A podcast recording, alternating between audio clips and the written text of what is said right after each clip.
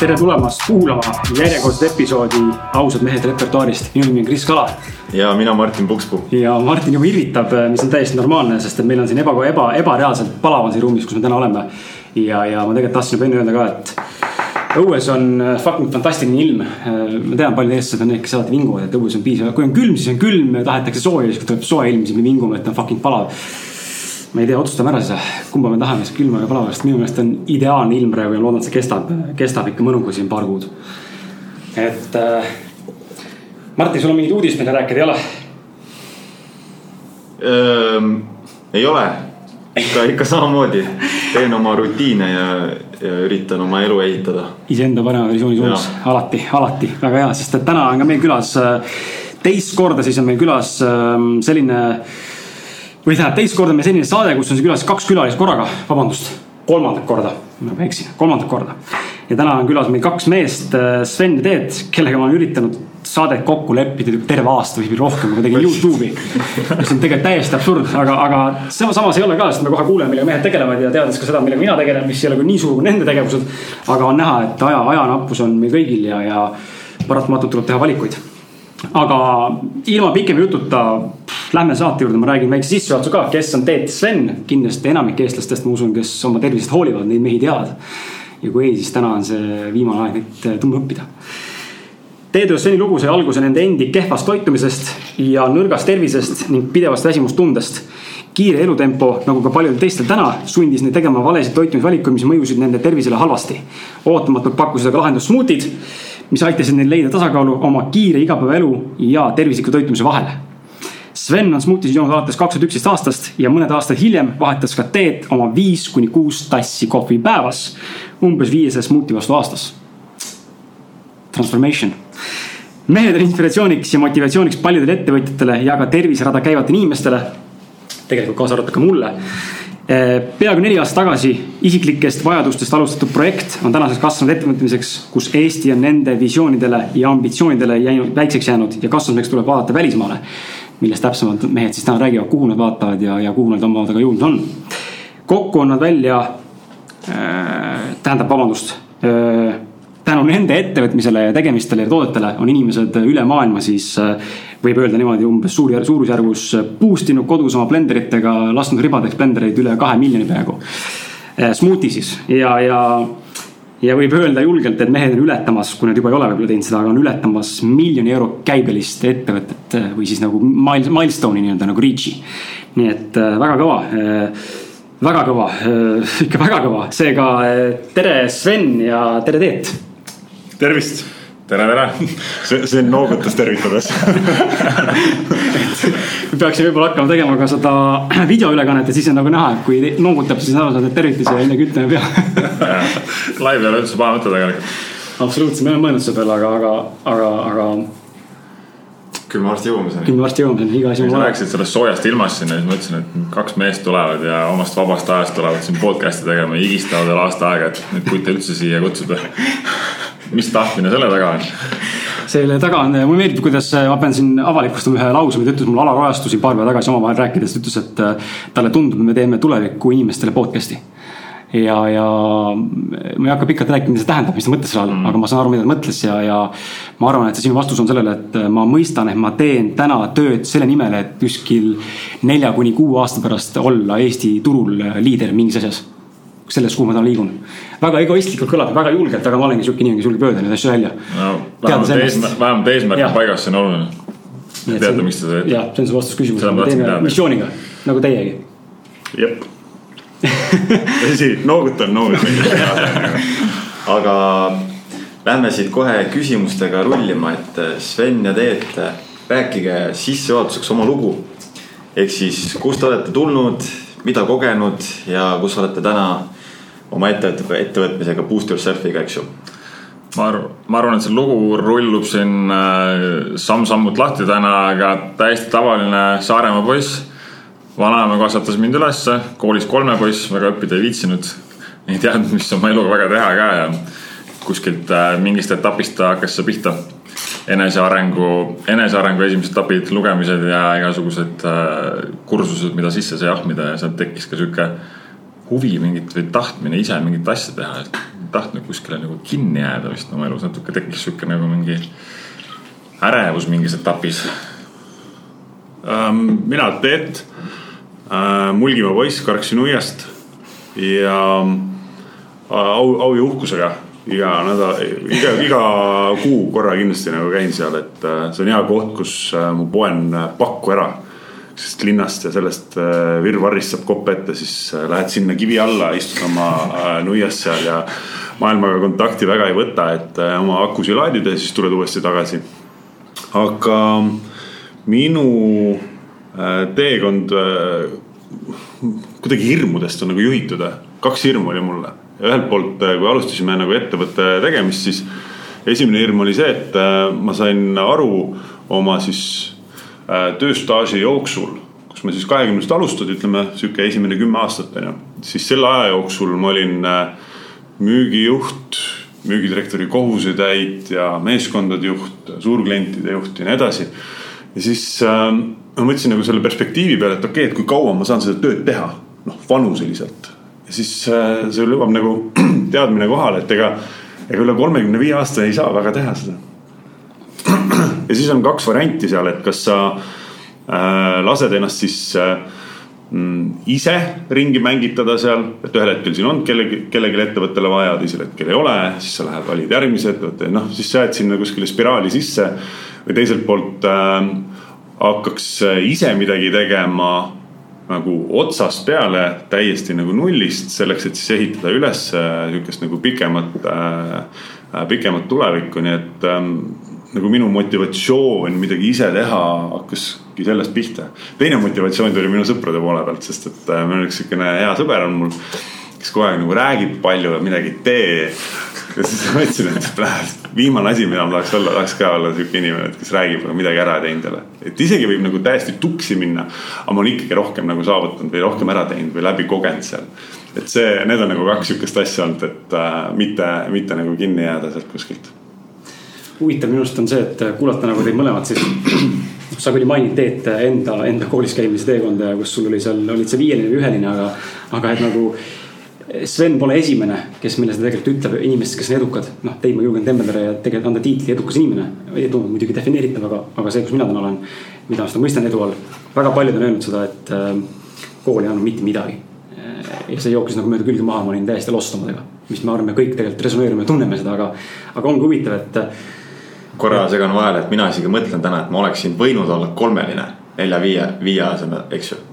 ja Tähe, rohkem, rohkem nagu panustada, ma ei tea, sotsiaalsete oskuste arendamisele, et ma ei oleks tänapäeval siukene sotsiaalne värdjas, nagu ma kohati olen, nii et, et. ja ei, selle, selles mõttes minu arust see kooli nagu võib-olla nagu põhimõtet eeldatakse no valesti, kui sa võtadki täna seda, et see on äh, sihuke koht, kus sotsiaalselt tuleb nagu hakkama saada, see on nagu lihtsalt ühiskonna noh, eksperiment, seal pannakse mingid kari kokku on ju ja nüüd te peate ära toimetama seal. ja kes kui hästi siis hakkama saab, on ju nendes äh, mängutingimustes seal. sul on eesmärk õppida, teha seal, omandada mingeid teadmisi. noh, loomulikult on vaja need nagu teadmised ka selleks, et siis midagi nagu elus üldse ära teha või saada aru nagu ruutude ja kolmnurkade kohta seal on ju, aga aga. tähti tunned. ja, aga ülejäänud äh, asjad õpid sa nagu elu jooksul ise sinna juurde veel. noh, teine koht samasugune on minu arust nagu sõjavägi. ma käisin sõjaväes, mulle hullult meeldis sõjavägi. ühel hetkel löödi kõik kiilekaks, löödi rohelised selga ja sotsiaalselt kõik null jälle. nagu sa pidid uuesti ennast kehtestama seal, sa pidid uuesti endale leidma sõbrad seal, sa pidid selles, äh, nendes tingimustes nagu hakkama saama seal. ja noh see, et äh, nüüd mingid ära pudenevad sealt või nagu sellest sõjaväest äh, ei, ei taha minna seal, ma arvan, see on nagu vale, sellepärast et see on normaalne osa sellest, et sind pannakse elus mingisugune challenge, mida sa pead ära tegema seal. võtad selle kogemuse omaks ja lähed selle võrra nagu targemana edasi seal, et ei ole nagu mõtet karta neid asju, mis nagu ette visatakse ma just hetkel hiilin, hiilin, hiilin kõrvale sellest. see oli väga cool, hästi, ülipalju nalja, noh, ebareaalne, kus, kus mehed tulevad kokku ja mis kino seal saama hakkab, see on hästi-hästi äh, positiivne. huvitav kuulata tegelikult sellest et.... seda on kõik rääkinud tegelikult, et ja. kino saab kõvasti, jah no kujuta ette sihuke tüdrukute õhtu väljas, siis kõikidel on ilgelt fun on ju, siis tegelikult naiste naljal ikka natukene nagu puudu. mehed saavad kokku, aga mehed ikkagi nagu joke'i teevad, siis see on ju, see on ju täiesti ebareaalne noh. Ehm, küsiks võib-olla niimoodi, et ehm, enne kui Boost Selfini jõudsid teed, sa mainisid küll põgusalt ka, et sa töötasid seal müügi, müügijuhina ja mm, -hmm. ja assisteerisid seal äh, muid töid juurde, aga et. Ja sina ka Sven, et mis te, mis te tegite enne Boost Selfi? ma läksin, õppisin kokaks. ma ei saanud keskkooli sisse esimese laksuga. Noh, teisi keskkoole oleks saanud, aga ma tahtsin enda kooli minna ja siis ma läksin ametikooli, õppisin kokaks. kuks mõte läks mul läbi ja kuigi see hakkas mulle väga meeldima, töötasin viis aastat kokana, tundsin, see ei ole päris nagu see, mida ma teha tahaks. Äh, ja siis äh, sõbrad käisid Soomes tööl, samal ajal teenisid seal suurt raha. mäletan kokana ma sain vist seitse tuhat krooni palka või, kaheksa tuhat krooni. sõbrad ütlesid, kuule, me saame siin Soomes mingi nelikümmend viis seal polnud väga palju vaja mõelda, kui sa kahekümne ühe aastane oled, onju. et mida sa seal taga ajad. ja siis ma läksin sinna ja siis äh, töötasin mõned aastad seal ja siis hakkasin kuidagi aru saama, et ma ei taha nagu siia ka kinni jääda, et siis ma olin mm. -hmm. hommikul läksid seal tunkedega tööle ja siis hakkasin nagu, et tahaks midagi nagu. ma pean mingi väljapääsu leidma siit, siis ma läksin, läksin ülikooli kaugõppesse, kus ma kohtusin Teeduga, Teet just rääkis tuli kohe meelde ta oma müügi, müügidirektori koha pärast oli hädas selle firma auto käis triiksärgiga tööl. siis see oli see minu nagu unistus, et kuhu ma tahtsin jõuda sel hetkel, et, äh, kui ma sealt nagu välja saaks, et, et ma läksin sellepärast kooli põhimõtteliselt. et saada nagu siis mingi sihuke level up sealt. ja, ja põhimõtteliselt äh, Kokan töötasin ja siis olin äh, Soomes täitsa sihuke ehitaja. ehk sisuliselt Teet oli sinu äh, nii-öelda dream, dream job, dream man. ma vaatasin talle alt üles koolis, et noh, sihuke hea lõbus vend, hästi seltsiv, hea töökoha peal onju. ja, ja aga noh, meil, meil tekkis sihuke hea klapp omavahel, et mm -hmm. äh, tegelikult peale kooli ka me ainuke, ainuke inimene, kellega jäidki nagu suhtlema niimoodi. palju teil see vanusevahe on, on siis? mitu, mitu? me oleme kolmkümmend viis. ma saan kolmkümmend viis novembris. okei okay,, no ikkagi. pool aastat. aasta, aasta pool, okei Äh, mina olen äh, tegelikult olnud toiduainetööstustega kogu aeg seotud mm, -hmm. et äh, sellel hetkel, kui me Sveniga koolis kokku saime, ma olin äh, Rakvere lihakombinaadis. ma olin seal müügijuht ja siis lõpus olingi müügidirektori kohusetäitja. siis peale seda olin teises toiduainetööstuses, kus ma ehitasin siis äh, müügiosakonda ülesse kogu süsteemides, asjades. ja, ja viimane olin siis äh, Saku õlletehaduses müügijuht äh, suurklientidel ja kindlasti, kui ma vaatan neid nagu etappe tööalaselt ka seal, et äh, igal sellel ettevõttel on kuidagi nagu roll olnud ähm,. võib-olla nendest kõige sihukese ebamäärasem roll oli siis äh, esialgu sellel Rakverel, sest ma kuidagi ei teadnud, mida ma sinna tegema lähen noh, see areng toimus selle ettevõtte sees, kõik võimalused võtsid vastu. kahekümne viie aastasena ikkagi olid sa näljane, ambitsioonikas ja hammustasid tükke, mis olid vahepeal ka suuremad. kui oleks jõudnud nagu ära närida seal ja ütleme, aga sealt edasi järgmine koht, kus ma läksin seda meeskonda ehitama, oli mõnevõrra siis selline enesetõestus, vajadus. see, mis ma siis tol hetkel Rakveres nagu meeskonna ehitamisel äh, tegin. Äh, ma tahtsin siis üle kanda järgmisesse nagu ettevõttesse, et uuesti panna oma need oskused proovile, kas see, mis ma seal tegin, oli siis nagu teadlikud äh, tegevused süsteemide loomisel, inimeste värbamisel või tulid need kuidagi nagu juhuslikult välja ja nagu ülihästi toimis seal ja kui oli seal äh, enda sihukene äh, eesmärk ellu viidud seal, siis äh, sinna kõrvale tuli siis äh, Saku, et äh, ta oli nendest kõikidest ainukene selline hästi tugeva äh, Eesti välise corporate taustaga. ehk siis see Carlsbergi nagu tugi seal ja see oli nagu äh, hullult äh, ahvatlev äh, kogu selles äh, koolituste osas, mis siis töötajatesse pandi ja investeeriti seal, et äh, kindlasti nagu ülivajalik etapp, et ähm, kui me võtame müügijuhid, siis müügijuhte ei tule täna koolist. kõik turundusjuhid tulevad koolist, sest õpetatakse turundust, on ju. müügijuhid kõik tulevad ju, äh, õpivad tänava peal, kasvavad alt üles, müügiesindaja, siis sa saad müügijuhiks, siis sa saad klientide peal ja nii edasi ja nii edasi, et sa, sa pead siis äh, oma oskustega tegelikult selles ameti, ametis nagu läbi lööma seal. ja, ja Saku oli nagu hea, hea koht ja siis noh, see oli ka nagu koht, kus ma tegelikult hakkasin mõtlema, et okei okay,, et mis siit nagu, aga mis siit edasi järgmine siis on, on ju. et justkui nagu kõik siuksed etapid olid ära tehtud, mida ma tahtsin seal, et noh, what next. ja siis seal tekkiski seesama koht, et meil äh, Sveniga olime juba mingisuguseid ideid äh, kruttinud seal. tegelikult hästi nagu tihedalt äh, kontaktis olnud, ta Eestis ei olnud. ja siis haigel polnud oluline, mis see ajavahel olid, kus me siis nagu suhtlesime ja, ja põrgatasime erinevaid nagu ideid seal, nii et äh, sai otsitud tegelikult paralleelselt selle põhitöö kõrvalt siis endale mingisugust uut asja, kuhu hakata siis enda energiat nagu suunama seal. järgmiseks on pension. ei, on, mida oodata vaata, kui huvitav tegelikult on see, et ma korra küsingi teie käest ka enne, kui me lähme tegelikult äh, selle järgmise küsimuse juurde, et. Äh, Sven, sinu jutust tegelikult tuli välja just seesama asi, et ma ei tea, kas Teet ka vaatas kellelegi nii-öelda alt üles oli kuskil mingi ideaalne pilt, kuhu sa tahtsid jõuda, onju, mida sa polnud veel katsunud ise, aga. tuleb välja see, millest, äh, millest väga paljud räägivad ja mida Jim Carrey ütles väga hästi kunagi ühel, ühel oma mingil motivational speech'il, et. et kui inimesed saaks kogeda seda, mis asi on olla kuulus ja elurikas inimene, inimesed mõistaks tegelikult, et nad ei taha seda ehk siis tegelikult sul oli vaja ka ju kogeda seda, et äh, see, kus sa siis jõudsid või hakkasid jõudma, et teie positsioon nii-öelda, et see tegelikult mingi hetk siis hakkas nagu ära ammendama ja tegelikult ei rahuldanud sind aga miks see on huvitav niimoodi, kas, kas ei ole võimalik teisele nagu, et kas ei oleks võimeline, et teed õpetab sulle või veenab sind selles, et tead, Sven, seda ei ole tegelikult vaja? no selles mõttes mul oli need äh,, mul on paar sellist äh, tugevat nagu müügidirektori äh, karakterit, kes, kes mulle nagu väga meeldivad ja nende stiil ja kõik asjad meeldisid, tegelikult ma vaatasin nagu sealt alt üles ja nad on olnud minu teekonnal need Äh, nagu vaiksed õpetajad või, või mentorid, kellele ma olen siis otsa vaadanud seal. aga mingil hetkel, kui ma jõudsin nagu selle ülemise pulga peale, täites seda müügidirektori kohuseid seal. Äh, siis ma sain küll aru, et tegelikult see ei ole üldse see koht, kus ma tahan olla. siis mul oli see nagu reaalsus, sest mul oli, äh, mul oli vana, vana sihukene Eesti paber ühekroonine.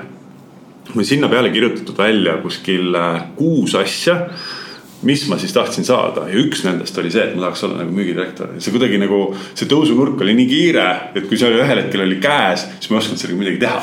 ma ei tulnud selle ametipositsiooniga toime seal, polnud kogemust ja tegelikult sõideti must nagu tangiga üle kogu selles protsessis. ja siis ma mõtlesin, et noh, noh, tegelikult ei ole nagu vahet, kus ma seal ähm, ettevõttes olen, mis positsioonil, ma olen igal juhul nagu ettur. et noh selles mõttes äh, allu, allud ükstapuha kellele, ühel hetkel sind on vaja, ühel hetkel sind ei ole vaja, onju. noh, siis, siis ma tahtsin nagu enda jaoks välistada seda, et ma nüüd ei ole nagu nii ettur, et äh, minust äh, olenemata mingid asjad äh, sõltuvad seal mm. -hmm. ja crazy nagu jah, vaata ei, ei oleks nagu osanud arvata, et see ongi, et äh, vahet pole, mis positsioonis oled, et ikka veel tegelikult seesama dünaamika jääb alles, et ja. Äh, igal hetkel sa oled nagu lihtsalt väljavahetatav ja keegi tuleb ja ütleb sulle, et kuule, nüüd, nüüd on vaja juhtida sinna suunas ettevõtet ja vahet pole, oled sellega rahul või mitte, sa pead sellega kaasa minema, onju, et. ja kui ei sobi, siis äh, jalaga jah, seda turvalist enam ei ole, vot vanem ütles, et lõpetad kooliga, lähed sinna onju, siis käid tööl, siis tuleb see, see, see, noh seda, seda mudelit ei ole enam. Et sa käid, lõpetad enda kooli ära, siis saad töö ja siis töötad seal kuni kakskümmend seitse aastat ja siis on kõik hästi onju, seda, see ei ole turvaline mudel täna enam. okei okay., mul on sihuke küsimus äh, see on nagu sihuke mõte või tunne, mis tihti minul tekib, et äh, tihti, kui ma vaatan teiesuguseid edukaid mehi, eks ju siis äh, jääb nagu selline mulje, et lihtsalt kaks enesekindlat tegude meest, alati enesekindlad, alati tegutsejad, tulid kokku, tegid lihtsalt asja ära, pumm. plahvatas. kõva ettevõte valmis pappi poolad kuradi rekatega sisse. ja ongi nagu lihtne, et äh, tahakski nagu teada, et kas, kas see on päriselt nii nagu paistab või tegelikult on see, et selle ettevõtte asutamise taga on palju rohkem tööd ja vaeva ja tagasilööke, mis on nii, nii füüsiliselt kui ka vaimselt tegelikult panevad proovile ja mis on nagu need sisemised protsessid nii-öelda, mis, mis, mis on aset leidnud kogu selle ettevõtte asutamise ja tegutsemise ajal. või ongi nii, et lihtsalt enesekindlus on nii kõva, et tuled ja teed ja ongi tehtud sul on nii palju küsimusi, ei tea kust pihta hakata ju. aga selle tulemise tegemisega, no me nagu Teeduga rääkisime ka, et meil mõlemal oli sihuke nagu mingi kihk sees, et me tahame midagi teha ja me kuidagi ei olnud siis rahul sellega, kus me olime, eks ole, me tahtsime kuskile edasi jõuda ja no neid ideid käis meil paberilt kindlasti palju läbi, ennem kui me üldse kuskile jõudsime. Ja ma olin siis hakanud smutisid jooma, sõna oma tervislikel põhjustel. lõpetasin kooli ära, läksin tegelikult reisima ja siis Teeduk kogu aeg meil sihuke nagu mingi protsess käis, vahetasime mingeid raamatuid, vahetasime mingeid ideid kuskilt nagu asju, et noh, sul oli nagu sihuke samade huvidega inimene kõrval, kellega sa said siis seda, seda teha, sihuke nagu hea sõber, kes oli tekkinud siis juurde mul sealt koolist on ja, ja see hoidis ka ennast kogu aeg natukene siuksel mingil äh, teisel nagu tasemel ja, ja siis me nuputasime, mida siis nagu teha ja meil oli kusjuures üks te teeks selle tervisliku toitumisega seoses nagu midagi, sest mul oli mingi kogemus sellega olnud paar aastat. ja, aga meil ei olnud mingit väljundit, mis me hakkame siis mingi blogi pidama või me räägime seal siis, millest me räägime seal. et ei olnud seda kogemust ja tekkinud ka mingit sihukest asja ja kuna ma olin ennem kokk olnud, äh, siis puutunud restoranidega kokku, et siis leidsin, äh, leidsin ühe sihukese augu Eestis, kus, äh, vaata, kui sa tahad välja sööma minna, eks ole mm, -hmm. ja sa ei taha otsid söögikohta, naine ütleb sulle, kus me sööma läheme, ma ei tea, keegi ei tea, onju. otsid seda ja kammid, sa ei tea, kus midagi toimub ka. ja siis me vaatasime, et sellist kohta ei olegi Eestis, kus, kus saaksime otsida söögikohta, kus mingid pakkumised on, mingid üritused, asjad ja kõik see oleks kompaktses kohas ja sealt tegelikult sai meil see esimene, et ai, me olime jõudnud mõlemad sinna kohta, et me tahame midagi nagu ära teha ja meil oli täiesti suva juba. mis asi see on, me tahtsime lihtsalt midagi teha, midagi iseendale tõestada ja, ja astuda seda järgmist sammu, sest äh, seal kooli ajal, kui ma sinna kooli läksin, enne kooli ka, ma olin juba noh, lugenud ja kuulnud asju, siis tundsid mingi hetk, sa hakkad kordama ennast juba mm, -hmm. kaua sa nagu ahmid sisse seda, tee nagu see järgmine samm. võta ennast kokku, siis noh, loomulikult see tuleb igal, igal inimesel erineval ajal, erinevas etapis on ju loomulikult.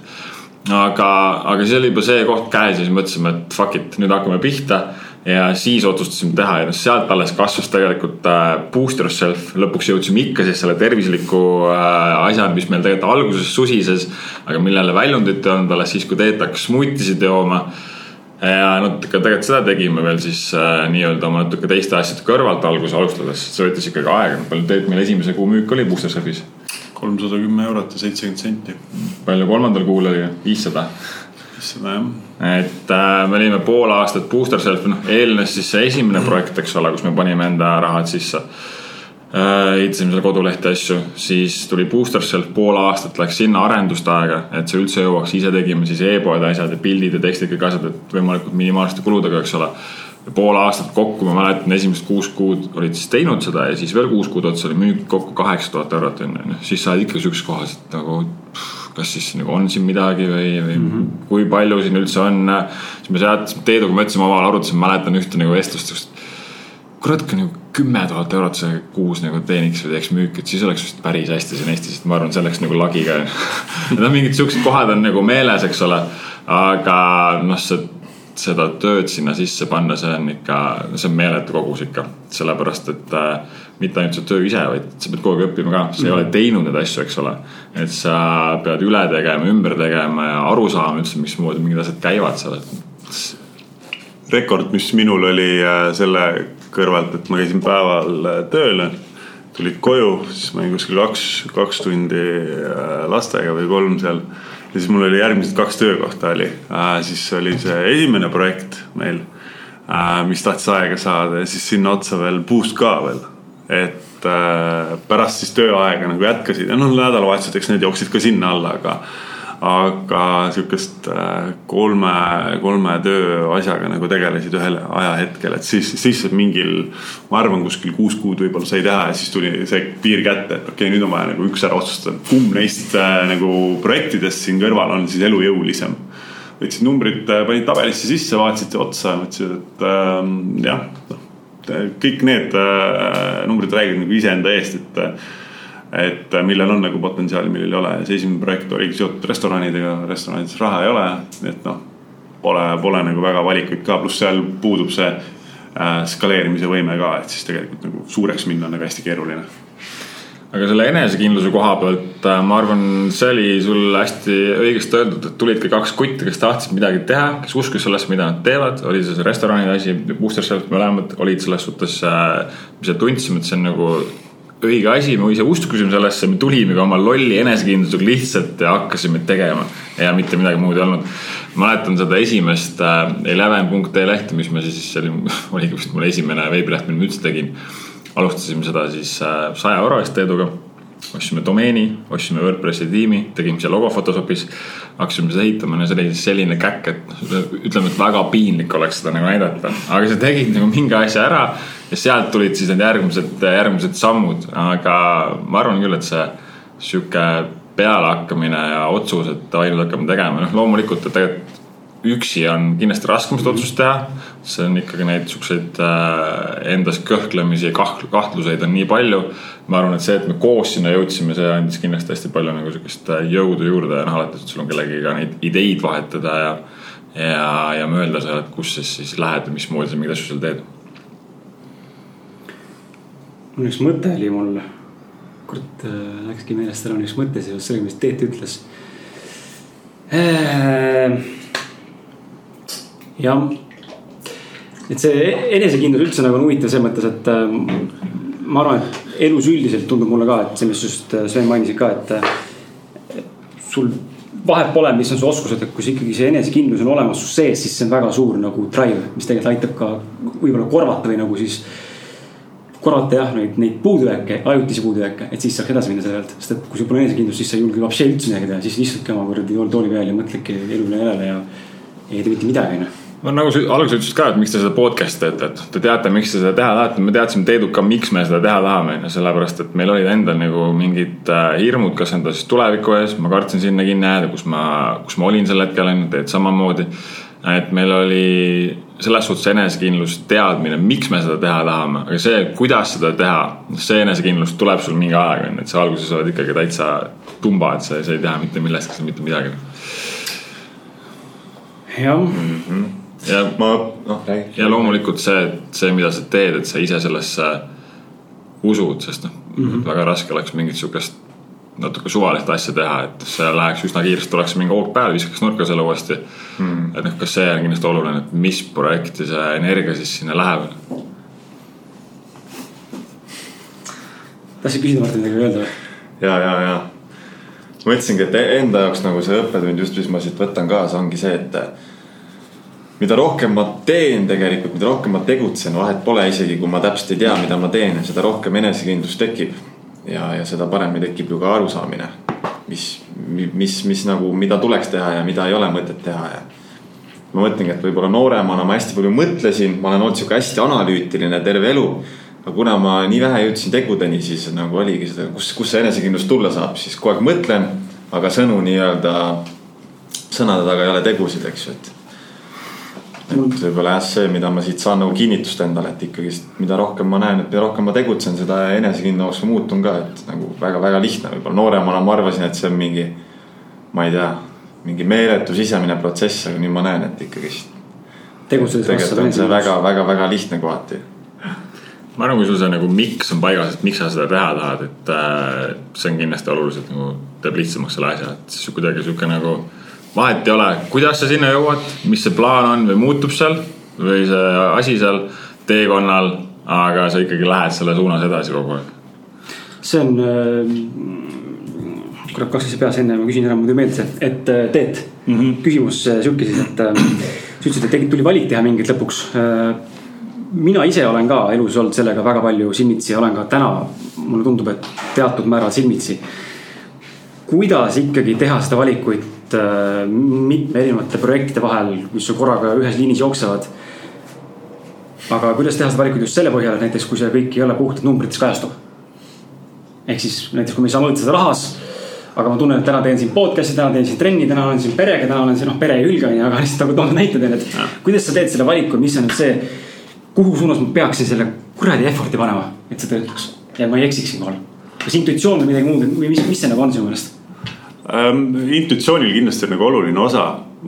seesama, see miks'i olemasolu, et äh, noh, lõppkokkuvõttes, kui me tahtsime, eesmärk oli midagi nagu suuremat ehitada, siis sa vaatasid ka seda potentsiaali, kuhu sellel on nagu ees või, või võimalus välja jõuda ja kui palju inimesi me saame läbi enda äh, enda selle projekti siis äh, puudutada ja muuta nende elu kuidagi paremaks seal et äh, kui me võtsime selle esimene projekt oli restoranimaastik, seal on hästi lihtne, seal on väga käputäis inimesi, kellel sa tegelikult seda teed. okei okay,, seda teenust võib-olla kasutavad rohkemad inimesed, tunnevad sellest äh, äh, nagu seda lahendust seal maailmas. aga lõppkokkuvõttes ähm, sa panedki kõikide asjade need äh, noh, kui me räägime puhtalt projektidest, sa paned nende projektide plussid ja miinused sinna kõrvuti. muud varianti ei ole seal ja sa pead tekitama sinna taga, taha nagu rahanumbri ka seal. Esiteks äh, rahanumber selle poole pealt, et kas see tekitab mingit kulu sest kõikidel asjadel on kulu, on ajakulu, rahakulu, mis, mis kulud sellega nagu kaasnevad seal. kui äh, lihtne seda on siis äh, hoida üleval kui me võtame selle podcast'i, see on üks siukseid driver eid selleks, selle lõppeesmärgi suunas, sa tahad olla Eestis mõjuvõimsaim koolitaja, koolitaja, selge, et see kannab seda, seda väärtust välja sellele, et see on üks siukseid nagu alustalasid sellele. Nüüd vaatad, kas need järgnevad tegevused äh, drive ivad täpselt sama suunda või ei drive'i. ja kui nad ei, kui nad ei toeta selle pika perspektiivi eesmärgi täitmist seal, siis ei ole sinna mõtet aega ega raha sisse panna pere ei lähe sinna arvesse, pere on nagu üks osa nagu kaasas, et mm., et pigem need, et milles sa, milles sa pead nagu oma valikuid tegema. Neid valikuid peab kogu aeg tegema. Kelle sa võtad siia saatesse, mis formaadis sa selle teed seal, kas sinna hakata blogi kirjutama juurde või mitte. kõik need on nagu valikud, mis tuleb ära teha ja siis äh, mõelda kokku, et äh, kas see, kas see kannab välja ennast, enda seda või ei kanna. okei okay., kõlab nagu loogiliselt tegelikult. ma arvan, et paljud on sellega hädas teha just õige valikut, sest et.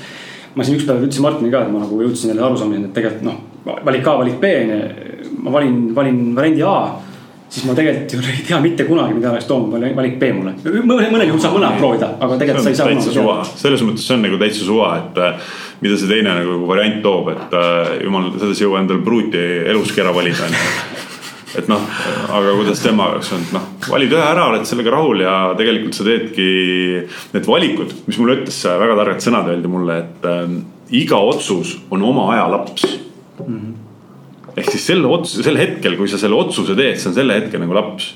sa oled kõige parema teadmise juures, kõige paremate oskuste juures, oled sa selle otsuse teinud seal, võta see vastu ja mine sellega nagu edasi ja that's it ja rohkem ei olegi vaja nagu teha, et see otsuse tegemise koht on minu arust hästi äh, kriitiline mingitel puhkudel, et kipuvad venima jääma nagu. mulle meeldis see teie edu mõte, see oli, see oli väga hea, et ongi, et sa ei saa tagasi nagu ulatavalt siis mm -hmm. minna, mis siis oleks olnud, on ju, et siis, siis on väga raske edasi liikuda kogu aeg seal. Kipume seda tegema nagunii äh,, aga jah. tead, mis aitab või? üks asi veel, sa ju rääkisid, sa viskasid Martinile selle nagu teema õhku, on ju. Mhm. noh, sa, sa selleks, et saada Äh, oma otsustes või mõtetes natukene nagu tagasisidet, noh. ma käin ja testin oma mingisuguseid äh, nagu mõttekäike teatud inimeste peal. Ehk siis mul on mingi ringkond inimesi, ma kõiki asju ei käi ja ei aruta seal ringi. aga, aga teatud puhkudel ma tunnen vajadust visata neid nagu lahenduse variante kellegi pihta mm -hmm. ja näha, mis ta nagu arvab. laia ringi nii-öelda. ja käid nagu läbi seal siis koondad sealt oma, oma nagu äh, sisendi nagu kokku seal, kas seal on mingeid vastuväiteid tulnud, asju, millele ma ei ole nagu mõelnud. Mida, mis takistusi või asju see lahendus nagu sisse toob seal. ja, ja siis selle pealt on mul äh, suurem hulk, et mina ei ole ainuüksi see tark nagu, kes peab selle otsuse vastu võtma ja siin peas ma võin ennast veenda, mille iganes ma tahan, on ju. aga, aga minu arust on hästi hea nagu loopida, loopida nagu teistele ka mingisuguseid teemasid. tagasisidet saada kellegi käest oma asjadele. räägime, lähme Boost Yourselfi juurde selle suunaga, et äh, Martin hea, hea küsimuse kirja pannud siia. et äh, ta on kirjutanud, et parimad ideed ehk ta usub, Martin usub, et parimad ideed, äriideed sünnivad iseenda probleemide lahenduste leidmisel teil mõlemal oli või siis eelkõige sul oli terviseprobleem ja siis sa kandsid selle terviseprobleemi äh, näiliselt Teedule või, või oli Teedul tegelikult salamisi olemas. ja siis sa aitasid teda, kuidas te jõudsite selleni, et me tahame edendada enda tervist ja nüüd tänu sellele ma ennast tervendasin. ma nüüd lähen ja tervendan tervet Eestit, tervet maailma. see nagu õigetel alustel oleks, siis ma tegelikult pitch isin seda ideed, push yourself ideed Svenile okay sellest, ma käisin tema seal Saaremaal ja vaatasin seda kuradi kappi ja see oli lihtsalt ebareaalne noh. ja siis ma otsisin enda kappi ka mingi kahesaja euri eest mingit nodi ja ma olin üliõnnetu. ma ei osanud midagi teha sellega. ja siis ma pitch isin seda ideed Svenile. ja ta, Aga... ei võtnud kinni sellest mul esimesel korral veel. ütles, et see on täiesti lamp idee nagu ja siis ma tulin tagasi töö juurde kuskil mingi pooleteist, kahe kuu pärast, mõtlesin, kuule, et see ei anna nagu rahu, seal on nagu mingi point sees olemas, onju. vaatasin mingi konkurentsisituatsiooni ka, et otsisin natuke nagu argumente juurde. ja, ja siis äh,, siis me saime selle asja nagu töösse. aga jaa, ma mäletan, Steve Jobsil on päris hea quote, kus ta ütles, et sa ei saa nagu, saad neid punkte ainult äh, tagasi vaadates äh, ühendada omavahel. et äh, siis, kui me kooli läksime ja kui me ülikoolis käisime Teeduga ja siis mul oli kindel mõte, et ma lõpetasin kooli ära. ma pakin need asjad kokku, ostsin juba matkakoti ära ühe otsa pilet Filipiinidele ja keeran täiesti uue lehe, et ma tahan, tahan sellest keskkonnast välja saada lihtsalt seda, et, et ma saaks seda oma muutust, muutust siis, muutust oma ellu tuua ja kui ma kui ma läksin siis Austraalia viisat tegema, mõtlesin, et lähen teen seal natuke tööd ja siis lähen Indoneesias, siis mul avastati mingi haigus, autoimmuunhaigus. arst küsis, kutsus tagasi, et kuule, et kas mingit köha asja ei ole, et nagu mingi asi on siin, et ütlesin ei ole, et ma ei tea, et võib-olla see on tuberkuloos või midagi muud, aga mine esmaspäeval Hiiu, Hiiu, Hiiu haiglasse arsti juurde onju ja siis järgmine hetk olin seal topiti mingeid torusid kurku ja avastati, kes sihuke pikaajaline haigus, mis on siis sihuke paarinädalane, et sa ravid lihtsalt antibiootiga selle kiirelt välja Äh, ja sealt hakkas kuidagi, ehmatas natuke ära kahekümne kuue aastaselt ja hakkasin uurima, mis selle siis põhjused olid, jõudsin välja selle, et kehas hästi palju põletikku, see, mis sihuke kahekümnene mees sööb, ega seal väga palju nagu mingit äh, mõtet taga ei, taga ei ole. kõik, mis maitsesse sisse läks. ja sealt sai mingi sihuke teekond alguse, kus ma hakkasin iseennast siis tervendama toitumisega ja mul oli vaja leida selline viis salatite kõrval, siis jõuan salatit päev läbi süüa. Ja hakkasin smuutisid tegema, et kogu see värske asi ära blenderdada, maitsvaks teha endale. jõin neid smuutisid täiesti üksi aastaid. Ja siis läksin sinna, lõpuks sain terveks, läksin Austraaliasse. ja siis nuputame Teeduga neid ideesid on ju, mida siis nagu teha on ju, et noh, tahaks nagu hirmsasti mingit äh, oma mingit ettevõtlust alustada. Ja siis me, siis me hakkasime seda Elevenit tegema, oma esimest projekti, siis ma tulin tagasi Eestisse ja siis Teet oli oma viie-kuue tassi kohviga päevas, kui ta seal müügijuht oli, eks ole. kurat nagu väsinud ja ei jaksa ja mingid isud ja asjad ja.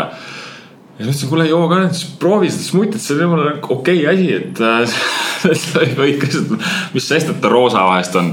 aga mul läks kuus kuud aega, siis ma ei osanud, ma ei suutnud talle selgeks teha seda, et see on nagu, tal ka seda vaja, vaata see, mis minu põhjus oli, miks ma seda smuutit toonud, tal ei olnud neid põhjuseid, onju. ma ei osanud talle seda maha müüa, justkui seda ideed ja siis ta proovis smutit, jõi neid paar nädalat ja paar kuud tundis seal natuke, et keha hakkas saama ka siis mingit sihukest värsket ja vitamiine.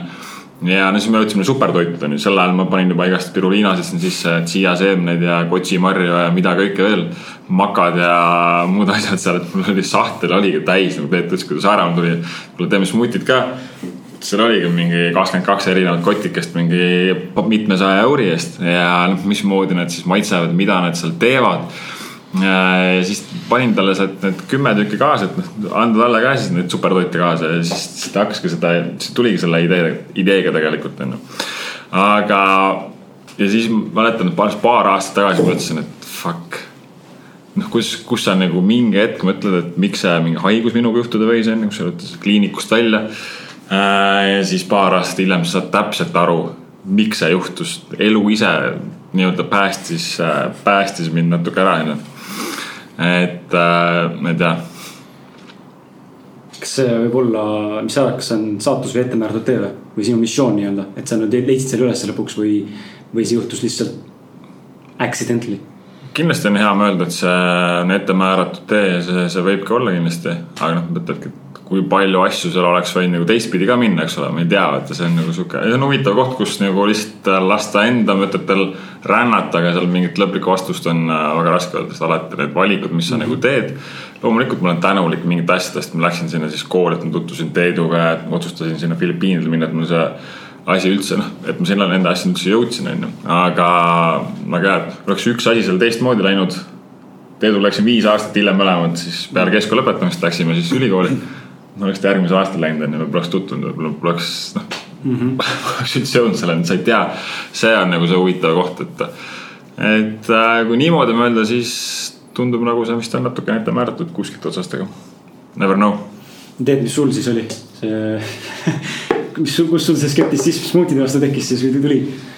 mul äh,, ma ei ostnud ära seda ideed seal, et äh, noh, ta võitles oma tervisega onju -hmm minu jaoks oli see suva, sest et äh, kopsuhaigena võitles seal, aga noh, minul olid töö juures teised mured. mul oli vaja ellu jääda selles, et kõiki neid kõrvalprojekte, seda restorani case'i vedada seal mm. -hmm. ja ma, ma pidin olema siis äh, kaheksast viieni üliaktiivne, noh, selleks, et siis hoida enda nagu pump töös. lükkasid seda kofeiini sinna peale mis kõige nagu kurvem oli ühel hetkel see, et äh, nii kui viis sai, ma koju läksin äh,. lapsed tulid, siis ma olin äh, täiesti, äh, täiesti laip olin. pidin magama nelikümmend viis minutit, et uuesti siis äh, kuidagi taastuda seal.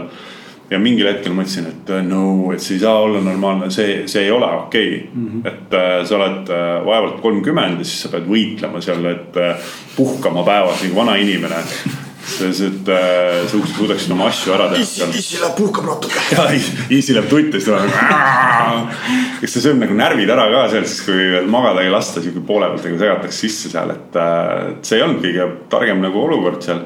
sa hakkasid vaatama lõpuks seda, et okei okay,, et äh, kuidas siis ma oma toitumisega ja oma, oma harjumustega tegelikult äh, noh, pärsingi enda siis äh, võimekust seal ühelt poolt jätsingi ära selle kohvi ja teiselt poolt äh, võtsin juurde siis uue, uue harjumuse seal. ja kuna sellel olid äh, ilma nende superasjadeta olid juba mingid esimesed ilmingud näha, positiivsed ilmingud, ma tundsingi ennast paremini ja saingi rohkem ja õhtune uni ei olnud enam vajalik seal. siis mõtlesin, okei okay,, et siin nagu sees on midagi, mida saab hakata nagu teistele ka viima sealt, et äh, noh need rajad, kuidas inimesed endale leiavad selle nagu vajaliku äh, tee selle elustiili muutuseni. Äh, tuleb ikkagi paljuski sellest vajadusest, kas ta siis konkreetselt tervisega seotud, on ta siis tulemuslikkusega seotud või tahetakse rohkem saavutada seal mm. -hmm. proovitaksegi nagu veel, veel rohkem siis ära teha, veel efektiivsemad, veel, veel paremad nagu olla oma tulemustes seal. et need on nagu suhteliselt siuksed kolm äh, selget põhjust, miks inimesed otsivad siis lahendusi aga see omast vajadusest oli sul õigus, et äh, meie Booster Surf sai alguse omast vajadusest. samamoodi ka see restoranide case tegelikult.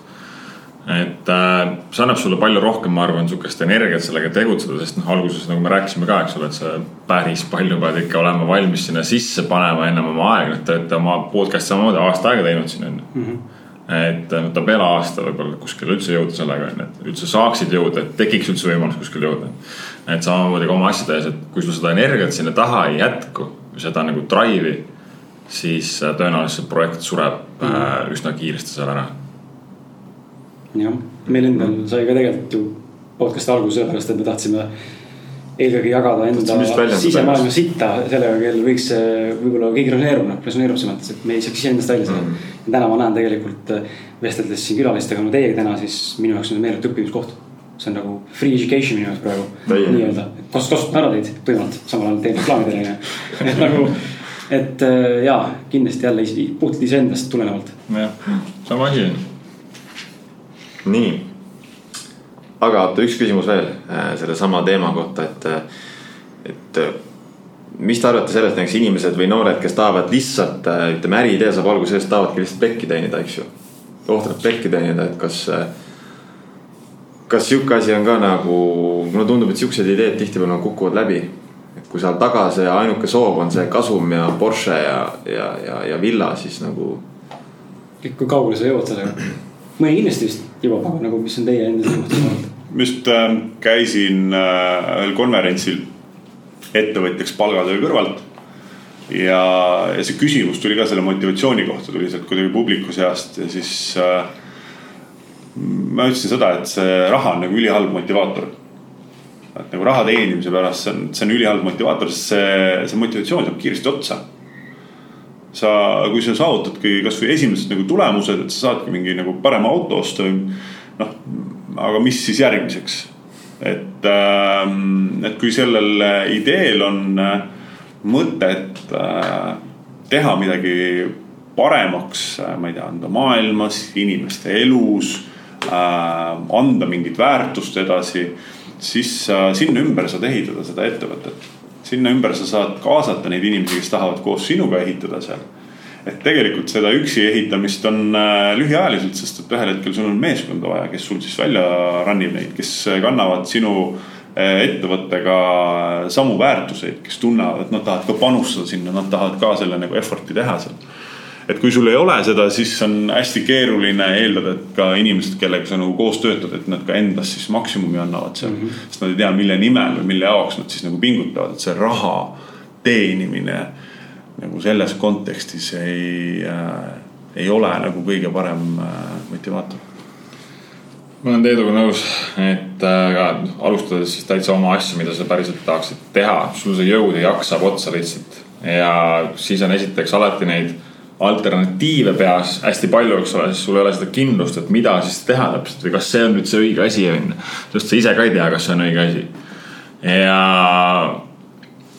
väga raske, ma arvan, et ka see tiim jookseks üsna kiiresti laiali, et kui sul on inimesed, kes on siis motiveeritud sellepärast, et sellega raha lihtsalt teenida, et äh, ka need pudenevad sealt siis ära kõrvalt, eks ole mm. -hmm. ja, ja siis, kas sa jääd siis üksi selle asjaga või kuidas sa edasi lähed sellega, et raske, ma ei soovitaks mm. -hmm. nii äh,, te olete sotsiaalmeedias väga tugevad.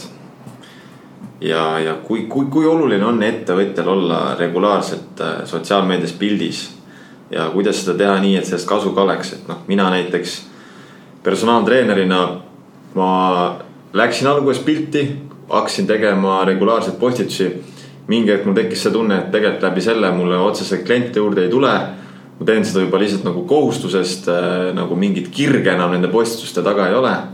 ja samas ma näen, et sellel on nagu nii suur potentsiaal, et. Äh, sama, sama minu täpselt vastus, ma näen, et mina kirjanikuna võiksin seda kasutada enda raamatu müümiseks. aga reaalsus on see, ma näen, et äh, minu Instagram ei müü ja seda ei jälgita ka, on ausus. nagu reaalne, reaalne tänapäeva pilt ja tänapäeval olen postitanud pool aastat, sest ma lihtsalt ei tea, mida teha seal. aga podcast mida täpsemalt küsib praegu? kuidas podcast'e levitate? sotsiaalmeedias. Ja toimib? väga hästi. no näed. midagi nagu toimib, kui me võtame nüüd selle nagu personaaltreeneri case'i, siis äh, noh, see, seal on kindlasti samm edasi toimunud vahepeal et mingil hetkel äh, kõik, kes olid äh, toitumisnõustajad ja personaaltreenerid, et panid oma taldrikutest pilte ja panid oma harjutustest pilte, oligi jube kihvt ja lahe vaadata seal aga see hästi kiiresti muutub äh, igavaks, lamp noh mm -hmm., kõik võivad teha sedasama asja. et äh, siin hakkab mängima edasi rolli see karakter, mida sa siis nagu oled inimesena mm. -hmm. tegelikult tahetaksegi näha sellele personaaltreenerile või toitumisnõustajale, oma valdkonna spetsialistile vahele, et on nagu normaalne inimene ka teeb nagu mingeid argiseid asju kaasa. mitte, mitte ei ole jõusaalis või? ja, mitte ei ole nagu jõusaalis, et äh, et noh, see, see kuvand, mida sotsiaalmeedias on võimalik luua, mida sa endast sinna nagu looma lähed teinekord ähm,. võib, võibki olla nagu liiga ilustatud või liiga üheülbaline ja siis see on, see on igav, see ei ole midagi nagu vaadata seal. ja, ja teinekord, kui see Kris äh,, see case oligi, et ei tahaks igast sellest äh, selfie'st ja puust ja pirnist nagu pilti teha seal, siis tegelikult äh, olles äh, kellegi nagu jälgija, siis, siis eeldaks mingi hetk siukseid äh, nagu vabamaid poste ka, siukseid äh, lihtsamaid vaateid ka, et seda sügavust ei jõua ära tarbida lihtsalt mm. -hmm. ja see on nagu see, see true story nagu ja, ja ma arvan, millest on kindlasti nagu Eestis puudu, on äh, sihukesest äh, heast äh, sarkasmist, sihukest äh, enda, enda üle nagu nalja tegemine. et äh, või võib-olla see on nagu ka koht, kuhu mina olen näiteks täna läinud sotsiaalmeediasse, eelmine aasta ma nagu käputäis pilte üldse postitasin sinna. sest ma tundsin, et mul ei ole nagu midagi otseselt nagu öelda või avaldada või teha. siis äh,, siis aeg-ajalt ikkagi käib siukse enda nagu näo otsimine seal mm, -hmm. aga, aga see karakter ja see tähendabki, et täna ettevõte läheb sotsiaalmeediasse, siis ettevõte on ka nagu karakter. tal peab olema ka midagi nagu öelda ja ta peab suutma ka teha seal, äh, panna inimesi äh, naerma, ta peab suutma inimesi äh, liigutada, kui on vajalikud hetked. olema nende tähtpäevadega, aastaaegadega, sel nädalavahetusel on kakskümmend seitse on ju.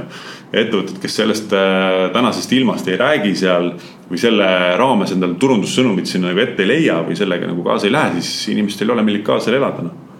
sest et jaanipäev on jälle on pluss viis on ju aga siis jälle selle üle kõik on nagu ilgelt valmis nagu nalja tegema, et noh.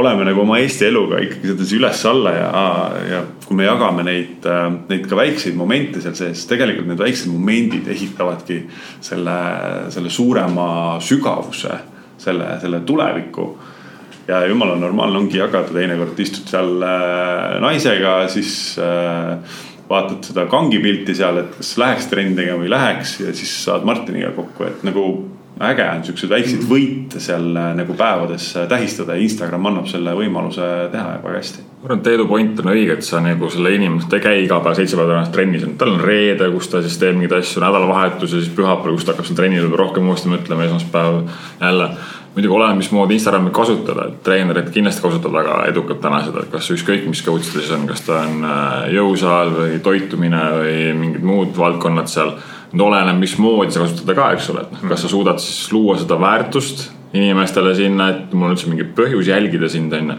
et sa teenid justkui välja selle. noh, muidugi sa teed Golden Clubis on ju, et sul on üsna väike ringkond ja sul ei ole vaja ka palju kliente tegelikult on ju. Mhm. et sul, et sa, sul lihtsalt ei mahu neid sinna päeva nii palju on ju et kas sa siis nende inimeste jaoks äh, oled seal olemas, kas sa kutsud neid trenni, kas sa ütled, et su trennid toimuvad seal, on ju või sa lihtsalt postitad endast neid trennipilte ja siis tegelikult keegi ei tea, et sa üldse personaaltreener oled, keegi ei tea, kus kohas sa trenni teed või mis kellas sul need ajad seal on, on ju, ja siis ütled, sotsiaalmeedia ei tööta, on ju. noh, täna, mida me tegelikult näeme hästi palju, on ju. et, et sa pead ka aru saama, mismoodi sa kasutad seda, on ju. et see on üks asi, ettevõttena äh, sotsiaalmeedias kohal olla. meie alustasime Facebookist, Instagramist kaks kanalit, sest äh, need hakkasid, ise kasutasime neid, nägime, et meie äh,, meie sihtrühm on seal ja meile üks põhjus oli ka muidugi see, et noh, me traditsioonilises meedias meil ei olnudki võimalik minna ja me ei näinudki, et me sinna mõtet minna, siis on tohutu kallis, see on tuhat eurot üldse, et sa kuskile jutule saaksid seal ja midagi tegema hakata.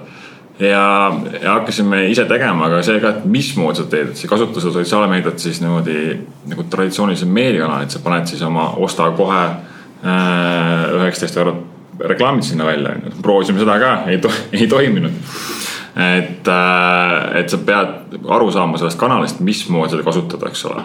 et äh, selles inimeses seda huvi tekitada mingi asja vastu või noh, smuutid ja supertoidud, eks ole. kui palju neid Eestis inimesi oli, kes sellest aru said, väga palju ei olnud, on ju, et väga vähesed inimesed olid sellest, on ju. supertoit, noh, ma ei tea, mis asi see on, on ju. aga kui me hakkasime rääkima, et seal väsimus ja energia ja kehakaal ja mingid magusisud ja immuunsus on ju, mis nad aitavad siis teha siis inimesed loomulikult tunnevad ennast ära, et mul on ka need probleemid ja, ja kui see on neid, neid inimesi aidanud, siis kes meil juba siis Booster Selfist sinna tekkinud oli. äkki see võib mind ka aidata, on ju, et noh, läbi selle seda sõnumit inimesteni viia. mitte siis lihtsalt niimoodi toorelt reklaami minna, et võtta seda järjekordset reklaamikanalit, mida täna hästi palju tehakse, et sihukest nagu. et sa ei saa võtta sedasama plakatit, mis sul seal ajakirja tagakaanel oli ja siis paned selle Facebooki, Instagrami ka ja siis arvad, et see nüüd su sotsiaalmeedia on tehtud, on ju. Mhm. noh, sellisel kujul see ei toimi. ja tuleb meelde, sa tõid ise seal, sina või kumb tõite seal enda sellel nullis.ee koolitusel välja selle, et kui Maxima paneb oma need brošüürid sinna Instagrami on ju, et siis pak pakkumistega, et soodukas maha tõmmatud ja, või soodukas ja vana on maas, et. et niimoodi nagu ei ole mõtet teha üldse seda. jah lihtsalt Instagrami pärast on Instagrami joosta ei ole mõtet, sa teed oma kuusteist postitust ära sinna, siis vaatad, et okei okay,, need mingi sada kakskümmend seitse jälgijat on ju. mis nüüd edasi saab, et ei tea, siis sa oled loss seal on ju, siis äh, nagu ühtepidi ise, ise ei tea, mida teha, siis ei saa sellest kanalist aru. et see ei ole lihtne kindlasti, see ei ole lihtne ja see nõuab äh, oluliselt rohkem süvitsi minemist turundusega. turundus läheb raskemaks, turundus on väga palju muutumas äh, tänu selle sotsiaalmeedia plahvatuslikule kasvule aga siis ongi hea reklaami koht, ma küsin äh, teie mõlema käest, te teete ka nullist.ee, see on siis nagu, mis just on, ongi nullist, nullist OÜ või mis teie nimetus teil on, aga. teete sotsiaalmeedia turundust õpetavat koolitust on ju. Äh, rääkige äh, reklaami sellest. kust see nimi tuli või? kust nimi tuli ja, ja võib-olla ka sellest, et miks, miks teie koolitus on parim kui on? nimi tuli niimoodi, et äh, ütlesime Teeduga, mis me selle nimeks paneme, et ma ei tea, kuidagi mingi lamp et me oleme nullist oma asja alustanud. oli vaja kiiresti domeen ära registreerida ja siis davai nullist, oligi kõik. see tegelikult kõlab jumala hästi. ja see kuidagi hästi selge sõnumina, sõnumiga ka nagu mm, -hmm. et kes iganes midagi tegema hakkab seal, siis nullist okei okay,, et noh. sealt hakkab see otsast pihta, et aja jooksul muidugi me Äh, kõiki asju elu jooksul ainult nullist areneda ei saa seal, et vahepeal oled edasi jõudnud ka, et siis tuleb mingeid uusi asju sisse tuua, aga, aga nimena kindlasti kannab väga hästi välja. kuidas meil see koolitus üldse alguse sai, siis äh, ta oli kuidagi äh, ässitamisel. kõrvalt äh, ässitati meid äh, Saaremaa Arenduskeskus. tuli, ütles, et äh, te olete Saaremaa ettevõte ja nüüd tulete jagate teistele saare ettevõtetele ka enda seda teadmisi seal, sest neil, neil on ka vaja areneda. joh, ei noh, davai, teeme ära. et ähm, oligi seal Saaremaal, minu arust need kohalikud nagu maakondlikud arenduskeskused teevad nagu tänu, tänuväärt tööd, et äh, võtavad neid äh, ambitsioonikaid ettevõtteid äh,, aitavad neil järgmisele kvalitatiivsele tasemele seal äh,.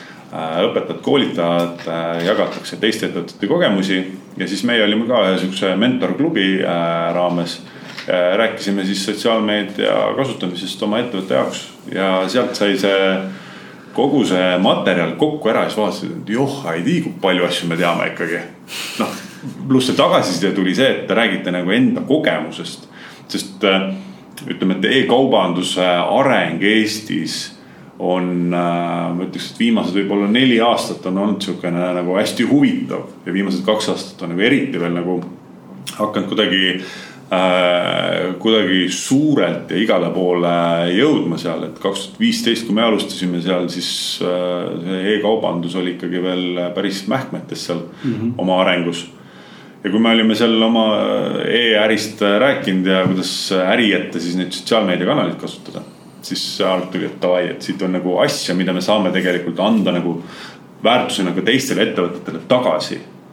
et meil ei ole eesmärk olla mingi Eesti parim blablabla, bla, bla, on ju, vaid meil on eesmärk olla siis äh, noh, oma, oma kogemuse tagasiandmise osas siis hästi äh, põhjalik, täpne, jagada, mis töötab, mis ei tööta meile, kuidas seda tasul asju teha ja nii edasi. tegelikult teistel ettevõtetel oleks ka võimalus õppida. Sest et ei ole kohti, kus neid täna nii palju nagu jagatakse või kes täna ise on nagu e-poodi pidanud ja kes täna enda kogemust siis äh, selles regulaarselt siis äh, annavad nagu tagasi Pole olemas sihukest asja mm. -hmm. näita mulle üks teine, kes koolitajatest on oma e-poodi pidanud seal, null. käisin aprillis äh, Tony Robbinsi koolitusel ja siis ta ütles, et noh, ta oli põhimõtteliselt see kutt, kes selle enesearengu, selle coaching'u üldse nagu leiutas või see, see inimene põhimõtteliselt ütles, et täna on nagu liiga palju neid coach'e, kes tegelikult ise ei ole mitte midagi teinud ja ei tea mm -hmm. ja õpetavad seda inimest valesti on. et keegi ei tohikski isegi teha seda ja, ja sealt samamoodi me jõudsimegi enda läbi selle enda kogemuse iseenda asja ehitades, kõik need raskused, asjad, mis me proovisime, sest Facebook, Instagram olid nii uued kanalid. ettevõtted hakkasid, hakkasid kasutama neid asju, kuidas seda teha, mismoodi teha ja me olime seal kahekesi pea ees sees iga päev nagu hommikust õhtuni kogu aeg onju.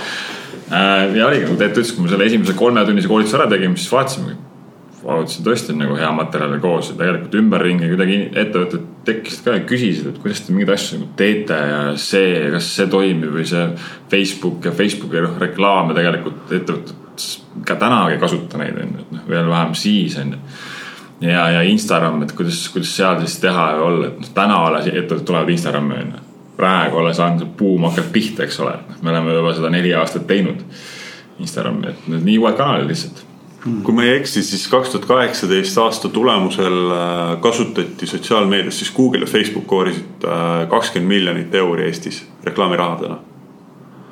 Äh, käis, käis kuskilt nagu uudistest läbi seal ja kui me võtame seda, et noh, kui Facebooki reklaamid, et, et kui palju sealt siis nagu tagasi toonud on, et ta on kindlasti nagu hästi tugeva kanalina tulnud. noh, Facebooki alla peame arvestama ka Instagrami reklaamid, sest ühest samast kohast juhitud see. Aga, aga see kasvab nagu veel. Ja nüüd seda teadmisi on nagu veel rohkem puudu, nii et tegelikult äh, tulebki käia meil ühelt poolt nagu jagamas seda kogemust ja teiselt poolt ettevõtted toovad seda nagu teadmisi ka agentuuridelt tagasi majja sisse, ehk siis ongi nagu reaalselt vaja inimesi välja koolitada ja ja nii edasi, et see on niisugune pidev nagu jätkuv protsess, et meie areneme ühelt poolt edasi, need kanalid arenevad edasi ja siis see informatsioon täiustub ja samamoodi, et see koolitus, mis ta on täna, ei olnud kindlasti kaksteist kuud tagasi, mhm. on ju ja, ja me, meie koolitus tegelikult, miks mulle endale see meeldib, see on natuke sihuke koolitus, kus ma oleks ise tahtnud kunagi minna, ma oleks olul väga palju raha ja aega kokku hoidnud ja oma närve. et kui ma oleks teadnud seal mingeid asju ennem, sest see, mis me seal teinud on väga palju. See on kõik läbi katsetatud, tehtud ja nagu Teet ütles ka, et ühtepidi see ongi tehniline need kanalid ise lähevad äh, keerulisemaks äh, ja arvestades kõiki neid Facebooki võimalusi täna, kui täpselt sa võid jõuda enda sihtrühmani mm. tegelikult nagu ükskõik kus maailmas, see on lihtsalt nagu täiesti imeline, sihukest, neid võimalusi pole mitte kunagi varem olemas olnud. kuidas oleks läinud kümme aastat tagasi, kakskümmend aastat tagasi, mul on nüüd see toode valmis, on ju, ma tahaks jõuda nende inimesteni seal. Kuidas sa teinud oleks seda? kohale läinud. sa kohale lähed bussiga, lennukiga on ju, ja ostad kuskil ajakirja siis reklaami ja, ja meie koolitusel räägime siis turundusest üldisemalt, et inimene oskaks oma seda asja seletada, sest seda selgitada neile inimestele, kelleni ta tahab jõuda, et see inimene saaks aru, et see toode on tema jaoks, et see inimene oleks õnnelik, et tema leidis lahenduse, et see ettevõte oleks rahul, et tema sai endale uue kliendi. Äh, kõik need äh, asjad kokku panna seal, et äh, ainult see tehniline pool ka sellest abi ei ole, on ju. et kuidas seda sõnumit inimesteni viia, kuidas see asi üles ehitada ja siis see praktiline osa sinna juurde, et mis siis töötab, mis siis ei tööta mm. -hmm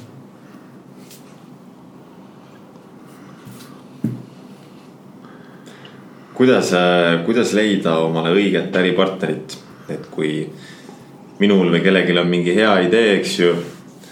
Ja kuidas siis nagu, mul on sihuke tunne, et tihti me ei tea inimesi, nende loomust tegelikult enne, kui näiteks tuleb raha mängu.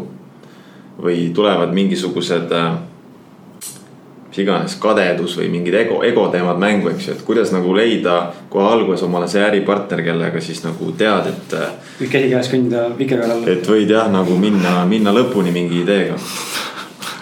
Ega siin mingit tohutut valikut ei toimunud et äh, meil lihtsalt klikkis nagu ära ja siis hakkasid tegema no.. see, see oligi kogu valik seal, et kas mingi mindset oli õige või ei olnud, on ju. Mhm. ülejäänud tuleb nagu protsessi käigus nagu suhetes ikka et äh, ega meil äh, põrkumisi on ka olnud ja võib-olla algus oli ka rohkem, sest et meil kuidagi need tööülesanded äh, siis ainuke koht, ütlen, mingi blogi kirjutamine või sihuke sisu kirjutamine oli see koht, mis meil äh, mõlemal on nagu erinev stiilid nagu lähenemised ja, ja sisus ja osas ja, ja nagu nõudmised ka seal. ülejäänud asjades me oleme, igalühel on omad nagu tugevused, mis me teeme aga, aga see oli nagu koht, kus äh, tekkis ikkagi, äh, tekkis ikkagi olukordi, kus noh, ma olin kirjutanud nagu, pannud oma nagu vaeva sisse ära ja siis tuleb seal, et noh, täis sodi, et kirjuta nagu ringi, et nagu siis Christ, et äh, võta nüüd kokku ja proovi nüüd olla, et.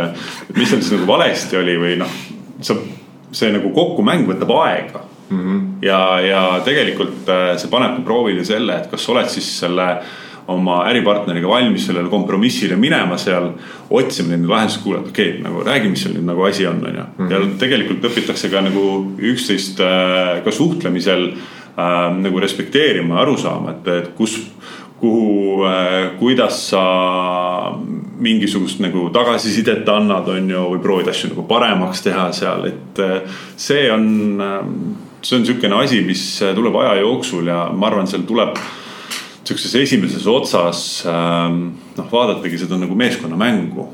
et okei okay,, me teeme nagu ühe asja nimel teeme seda, on ju, mitte siin, et eh, kelle komad ja tähed nagu siin tähtsamad on, on ju, see ei ole oluline. et, et see, see peab esialgu nagu taha minema no kui me vaatame nagu ka arengus edasi, et igas äh, ettevõttes toimuvad erinevad etapid, kus seda arenetakse, siis ühel hetkel noh kaks, kaks inimest ei saa lõpuni nagu ära juhtida seda, et seal peab tekkima nagu üks, üks inimene, kes juhib, kes paneb seda nagu struktuuri ja süsteeme nagu kokku seal. et mm. käivitamise faasis on hästi hea nagu need rollid ära jagada, jõuab lihtsalt kiiremini rohkem tehtud ja ühel mm. hetkel peab no ma, ma ei kujuta ette, see Tallinki laev ei sõida ilma kaptenita, noh mm.. noh, seal on üks inimene, kes juhib seda, onju. ja mm. siis tal on meeskond ümber, kes seal siis rannib kogu seda. aga äripartneri leidmise koha pealt väga raske on soovitusi anda siin, meil on meil jällegi kas saatus. Te olete leidnud ennast ju. Te olete leidnud kuskilt ennast. meil läks ka õnneks, aga ma arvan, et see ongi, et kui sa seal kuskil oma teekonnal oled, siis proovi lihtsalt äh, erinevate inimestega kokku saada, käia mingitel üritustel või kus need inimesed siis äh, koos viibivad, sealt mingid mõttekaaslased leida. täna on sotsiaalmeedia, Instagram, mis iganes pidi kasutada, kas iseenda proovimiseks seal või ettevõtte jaoks. aga sa võid ükskõik mis inimesteni jõuda Instagram, kirjuta sellele inimesele, ma ei tea, elada piltidele, postitustele kaasa Facebookis või Instagramis äh,. kutsuda täna podcast'i inimesi endale, eks ole.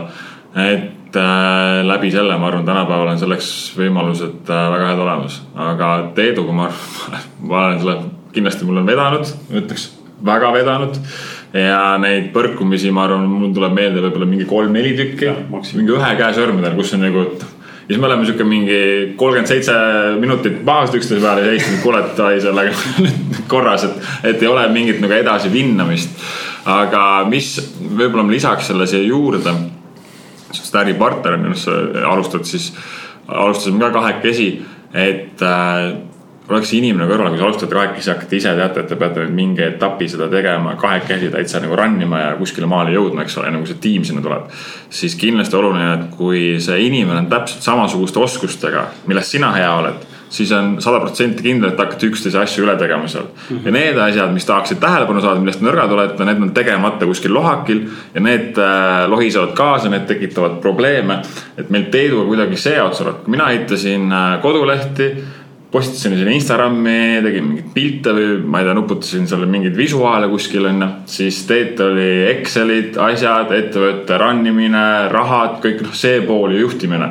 et me täiendasime üksteise oskused, mitte me ei hakanud nendest üle sõitma, et noh, see, kus me seal ühe, ühe, ühe blogi otsas kokku saime, see oligi üks koht ainult. eks see meil sihuke nagu hästi ühine tuba, kus me oleme kokku saanud, on seesama turundus on ju. et see turundus on see koht, kus need nagu pead on kokku saanud kus on kõik muud asjad on kõrval, et mis on see sõnum, milliseid tooteid arendada, kuhu minna, kuidas see klient on seal.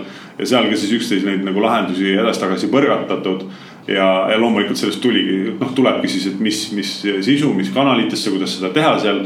ja nagu on hea koht kui see nagu turunduse osa nagu klapib, et see turundusel on kõige rohkem neid küsimärke mm. -hmm. tulemuslikkuse kohta, katsetamise kohta ja kui seal äh, teine inimene on ka samal lainel, et ta ei ole sellest turundusest äh, nagu täitsa kama, mõtleb ka nagu kaasa seal, siis on hästi hea tegelikult see nagu kiiresti areneda seal.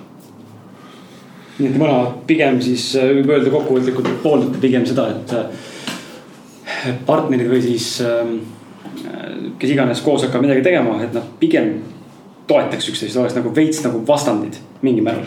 ja muide, selles Roland Takko oli ka seal esines sellel äh, ettevõtlus. ettevõtlus selle asjal ja ta ütles, äh, kolme tüüpi oli seal.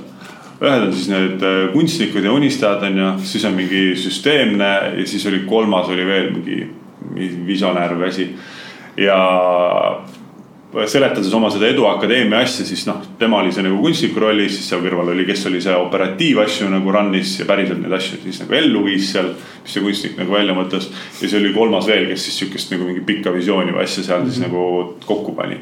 seal on kindlasti vaja siukseid äh, äh, tegureid, mis aitavad mõlemal siis nagu paremaid tulemusi saavutada et kui teil on äh, pidur ja gaas on nagu käimas seal, siis tegelikult äh, mõlemad on nagu edasiviivad jõud, et üks ei lase nagu liigselt ära tormata ja teine, teine tõmbab nagu käima, et davai, et kuule, aga teeme nüüd nagu seda. Need, need on nagu hästi head tasakaalustavad osad tegelikult, need ei ole nagu vastandid ja isegi kui täna kuskile ei oska siis minna, et kus ma siis selle inimese leiaks, kui ma tahaks midagi teha või ma olen juba oma mingi idees kindel leidnud selle, siis hakka lihtsalt tegema, ma ei tea, kirjuta sellest midagi, postita sellest sotsiaalmeedias, sa tõmbad sellega ka ligi need inimesed tegelikult, kes võiks ka sellest huvitatud olla ja võib-olla sealt leiad selle inimese, kellega koos seda siis äh, suuremaks kasvatada ja see lühike, seesama, see lihtsalt hakka peale, tegutsed mm. -hmm. Mul oli siin üleeile äkki vestlus perekonnasiseselt, siis kodus nagu tuligi, kuulasime kellegi saadet, ma ei mäleta kelle, äkki Rolandi või kellegi saadet.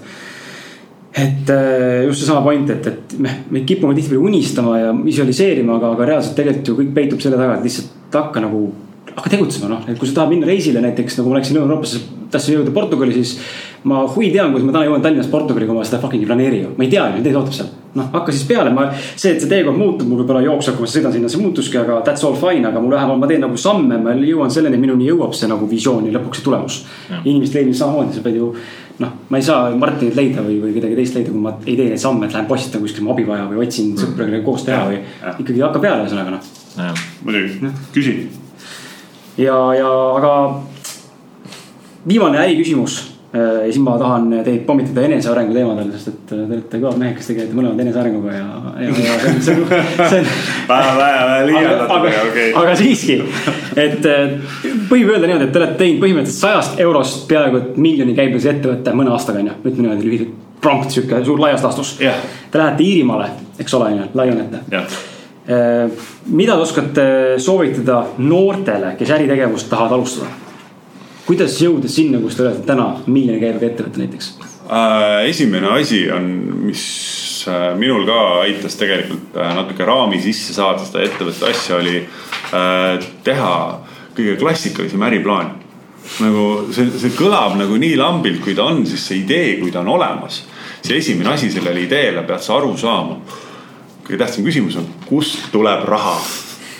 nagu sellel ettevõttel, mida sa müüd, mis hinna eest, kust tuleb raha? sihuke reality check.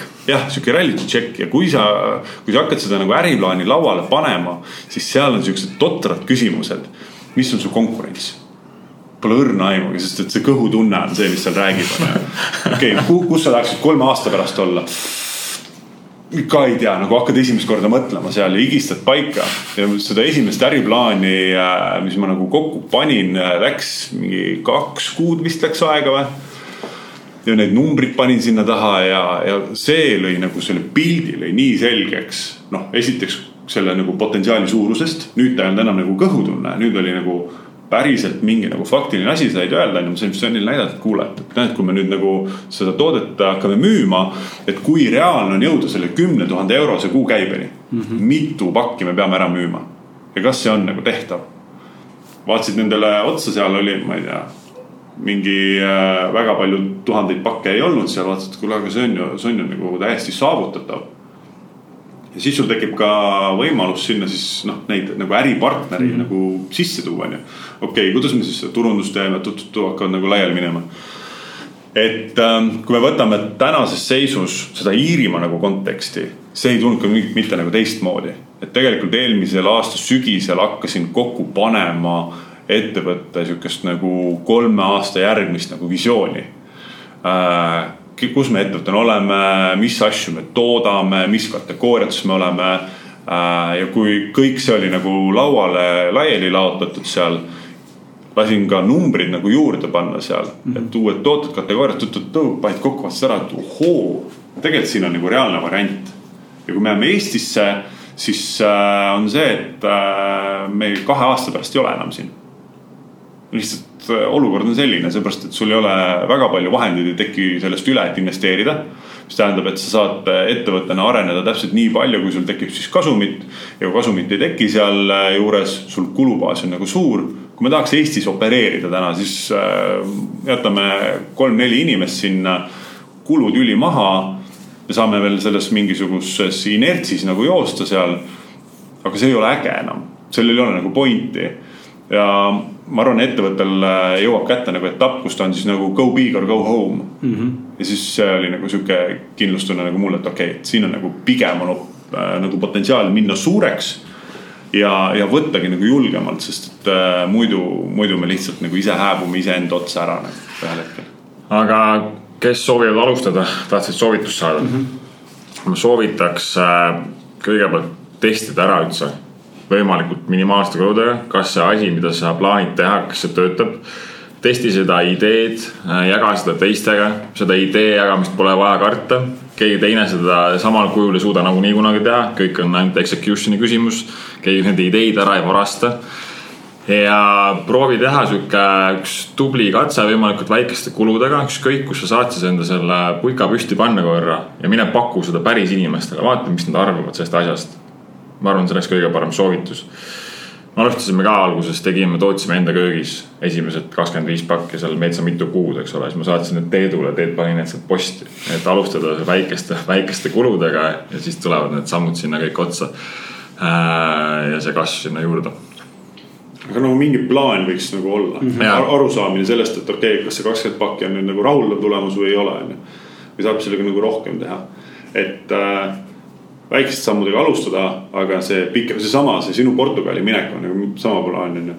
sa ei saa nagu seda panna eesmärgiks endale sinna jõudmist, kui sa neid äh, ei hakka nüüd kilomeetri pealt nagu minema on ju. Noh, et see väikse paki saatmist on see esimesed sammud sinna otsa, aga lõppkokkuvõttes äh, pole oluline, kui suure tiiru või kaarega sinna Portugali nagu jõuad, et äh, meil ka. lihtsalt jõuad, noh kolm aastat oli pandud eesmärgiks, finantsnumbrites oli siis äh, ette nähtud niimoodi, et äh, kolmanda aasta lõpuks käive on siis äh, üheksakümmend tuhat, sest EAS nõudis seda, et see oleks mm. -hmm. ja siis kaks tuhat kuusteist oli meil esimene täisaasta oli sada kakskümmend noh mm -hmm.. noh, mina ei tea, Portugal tuli kiiremini kätte et, et siis sa pead ka samamoodi nagu kohanema, et kui see ettevõte nagu kasvab, siis tuleb järgmine see mm, -hmm. järgmine see pikem visioon nagu ette panna sinna ja mõelda et kuhu me nüüd nagu tahaksime jõuda. ja läinud auto läks lennukiga hoopis. jah, optsioonid on ju. aga jah, see lööb natukene pildi selgemaks sulle mm. -hmm. Mm -hmm. Kris on siin kirja pannud, et Teet, sa tegeled talisuhtlusega tegelen igaste asjadega. kuidas sa selleni jõudsid ja oskad sa öelda, miks see võiks kasulik olla? millega sa veel tegeled, kui sa ütlesid igast asjadega? oi jumal, ma tegelen paljude asjadega um,. talisuhtlus on selles mõttes hästi huvitav uh,. mul nuias papa Tom, kuuskümmend. ja üks päev küsis, kaks tuhat neliteist november oli see küsib, et kuule, et ujuma tuleb või? oh muidugi, nuias on ujuval. me läheme järve äärde ütlesin, ole vait, tegelikult või. see oli, see oli laupäevane päev, ütlesin, aga kurat, kui sina kuuekümnene lähed, siis tulen mina ka nagu. ma, ma nagu kolmekümnene ei saa olla kehvem kui sina. Läksin sinna äh,, istusime sinna vette sisse, kiljusin nagu plikas esimesel korral. ma arvan, et võib-olla sihuke käputäis sekundeid seal sees olin, ma ei tea, viisteist, kakskümmend. peale selle panid riidesse ja autos ei olnud palju ära sõitnud, võib-olla kolm-nelisada meetrit, sihuke tead eufooria tunne tuli sisse. sihuke kuuma laine ja see oli sihuke nagu täiesti esmakordne kogemus. ma ütlesin, ma tahan nagu veel seda kogeda, küsin, kas äh, nagu homme ka lähed pühapäeval? ja ikka lähen, senikaua kuni jääd peal ei ole, senikaua käin. ütlesin davai, mina tulen ka homme ja nii kui pühapäev oli, siis äh, läksid, istusid nagu vana mees, läksid sinna sisse. mingit kriiskamist, kiljumist seal ja sealt kuidagi lõi nagu selle tüki sisse mm. -hmm. et äh, see on cool, kindlasti soovitan äh, enne taliujumisele äh, alustamist lugeda sihukest raamatut äh, Mis ei tapa. See on äh, Wim Hofist äh, kirjutatud ja üks äh, USA merejalaväelane läks siis no Wim Hof, kes siis tegeleb taliujumisega, läks siis teda nagu kummutama, ta on nagu šarlatan mm. -hmm. ja täna on ise siis selle nagu räme fänn on seal nagu taga et sellel äh, tali ujumine on minu jaoks sihuke nagu restardi koht, et kui ma lähen sinna vette, olen seal neljandat hooaega siis teen, onju äh,. Lähen vette, siis sihukene kaks minutit seal nullkraadises vees. Ta võtab kõik asjad ära. sa ei saa muule asjale mõelda seal vees kui sellele, et sa ujud, sa tunned, kuidas su keha nagu reageerib mm -hmm. sellele. et äh, tohutult vägev protsess ja nüüd eelmine aasta hakkas mul vend sellega tegelema, andsin talle lihtsalt selle raamatu. ma ütlesin, ma ostsin selle Vimmi raamatu, et loe nagu vana ajast davai, ma hakkan käima. ja nüüd, äh, nüüd kevadel ma olen kogu aeg nagu käinud, jää läks ära, nüüd käid ujumas kogu aeg, tunned seda, noh, sa kehaga tajud kraadilisi muutuseid vees. Ta paneb äh, vere käima, külmatunnet ei ole nii palju äh,. kätes, jalgades on verering oluliselt parem. et selles mõttes nagu hästi-hästi mõnus on. õhtul jääd magama, õhtul jääd ülihästi magama mm, -hmm. käidki õhtul ära, keha hakkab tootma kuumust sul ja siis sa tegelikult vajud nagu nokki ära seal, megalt hea. mul hakkab kodus külmima, kui ma vaatan sulle Insta pealt aga, aga millega ma nagu veel tegelen, siis äh, üks asi, mis mul tuli nagu sihukest sõjaväest kaasa, oli äh, sihuke enese nagu proovile panek mm. -hmm. Ähm, sõjaväes on lõpurännak, kuuskümmend kilti jala oma kotiga kõnnid seal äh, läbi mitmeid päevi ja ma mingil hetkel hakkasin elus nagu puudust tundma sellest. sihuke argine trenni tegemine on ühel hetkel nagu täiesti lamp, sest sa oma keha ei pane proovile. Miks, kui sa keha proovile ei pane, siis sa ei pane oma mõistust ammugi proovile. ja siis sai ette võetud, äh, esimene asi oli Oandu ikla. Äh, ülevalt alla tuleb äh, RMK matkatee ehk siis Võsu juurest. ei ole, siin on veel pikemaid on, ülevalt alla ja tulin, panin sõpradega satsi kokku kuuekesti, tegime läbi nelja päevaga mingi nelisada kilti ja see on siis siuksed metsateed, trassid seal nagu üliäge. Ja kuidas see lükkas nagu välja, sa oled väsinud, sa oled ühe päeva seal sott kilti sadulas istunud seal ja siis sa pead järgmine päev istuma, esimesed äh, kaheksa minutit nutad seal seisad püsti, istud uuesti, õhtul kõik äh, kuus poissid käivad oma tagumikku kreemitamas sisse selleks, et järgmiseks päevaks jälle vormis olla. et see on äh, minu arust siukseid nagu väljakutseid iseendale tuleb esitada noh, siis me sõitsime Saaremaa-Hiiumaa samamoodi läbi, kaks aastat nüüd Võhandul käinud. Just sellepärast, et see Võhandu sada kilti äh, sõita süstaga läbi nagu iseenda jõul. see kõlab nagu perversselt ikkagi nagu mingi normaalne inimene seda tegema ei lähe. aga tänasel aastal oli siis äh, rekordarv ja äh, kas tuhat kakssada paatkonda siis circa kolm tuhat inimest käivad ja lihtsalt panevad endale nagu ajudesse. ja sa pead selles äh, üheteist, üksteist pool tundi oli meil aeg äh,. sa pead selle aja jooksul sa ei saa alla anda, esiteks sa ei astu seitsmekümne kildi pealt maha, et nüüd ma ei jõua, onju, või nüüd mul on valus kuskil sa lähed oma lõuga tõmbama või sa lähed nagu, Sven jooksis vahepeal ainult kolm kilti, onju. aga sa ei push'i seda limiiti seal. sellepärast, et tead, miks seda nagu vaja on? sellepärast sa pead sedasama nagu mindset'i rakendama ettevõtlusesse ka. su äh,, su, sind pannakse kogu aeg proovile, onju ja nüüd, kuidas sa tuled nagu toime selle füüsilise proovile panekuga, kandub mingil kujul edasi sinu sinna vaimsesse maailma ka onju noh, ei, ei ole nagu suuremat väljakutset, sa teed selle vahendi läbi, sa tunned, et ma jooksin kõikidest seintest läbi. noh, see, seal ei ole nagu olemas ühtegi asja, see, need probleemid, mis, millega te tegelete, poisid, need on väiksed mm. -hmm. ja see nagu mindset tulebki sellest proovile panekust, mulle hullult meeldivad siuksed asjad. Mul nüüd ongi juuli alguses äh, lähme siis kuuekesti on äh, Tallinn-Narva rattaga RMK trassist tuleme alla Aegviitu, sealt paneme Narva juurde välja ja pühapäeva õhtul tuleme rongiga tagasi. sa lähedki, panedki ennast nagu proovile ja oleme Saaremaal söönud viinameid igusi, keetnud õhtul endale seal, korjanud ümberringi ära ja nii edasi, noh, see on, see on nagu ülihea. Teine asi veel, et nagu siukseid asju, asjadele jah ütlemine. see on ülioluline osa et anda nagu võimalustel tulla enda juurde. Ähm, Eestis oli see äh, kaks aastat tagasi oli taljumise maailmameistrivõistlused mm. -hmm. nagu mitmel maailmameistrivõistlusel sina käinud oled? noh, ei ole, onju. mina käisin seal, istusin teatrinelikus ja sealt on ülihea kontakt siukse ujujaga nagu Merle Liivandi Eestis, kes tegelikult on aidanud ka minul ujumises äh, nagu edasi areneda, jagab nagu näpunäiteid, õpetab seal natukene, et ähm, tegelikult see viib nagu kokku uute inimestega ja need inimesed, kes teevad sporti. Need on, need ei saa jobud olla mm, -hmm. sest et nad tulevad kokku, siis see õhkkond, see, kuidas äh, nagu see stardiõhkkond, see nagu mm,, nagu sõprusring on seal ja respekteerivad, üksteist respekteeritakse selles käigus ma olen viis aastat teinud ka siis äh, sihukest seiklussarja nagu Extreme äh,. sa oled ka, noogutad siin? ma olen kuulnud sellest jah, aga ma ei ole, ma ei ole nagu lähemalt kursis. viis aastat teinud, üks aasta tegime siis kõige raskemat rada ja siis ülejäänud aastat tegime B-rada. ma sel aastal lähen ka äh, juuli lõpus, äh, öine etapp on.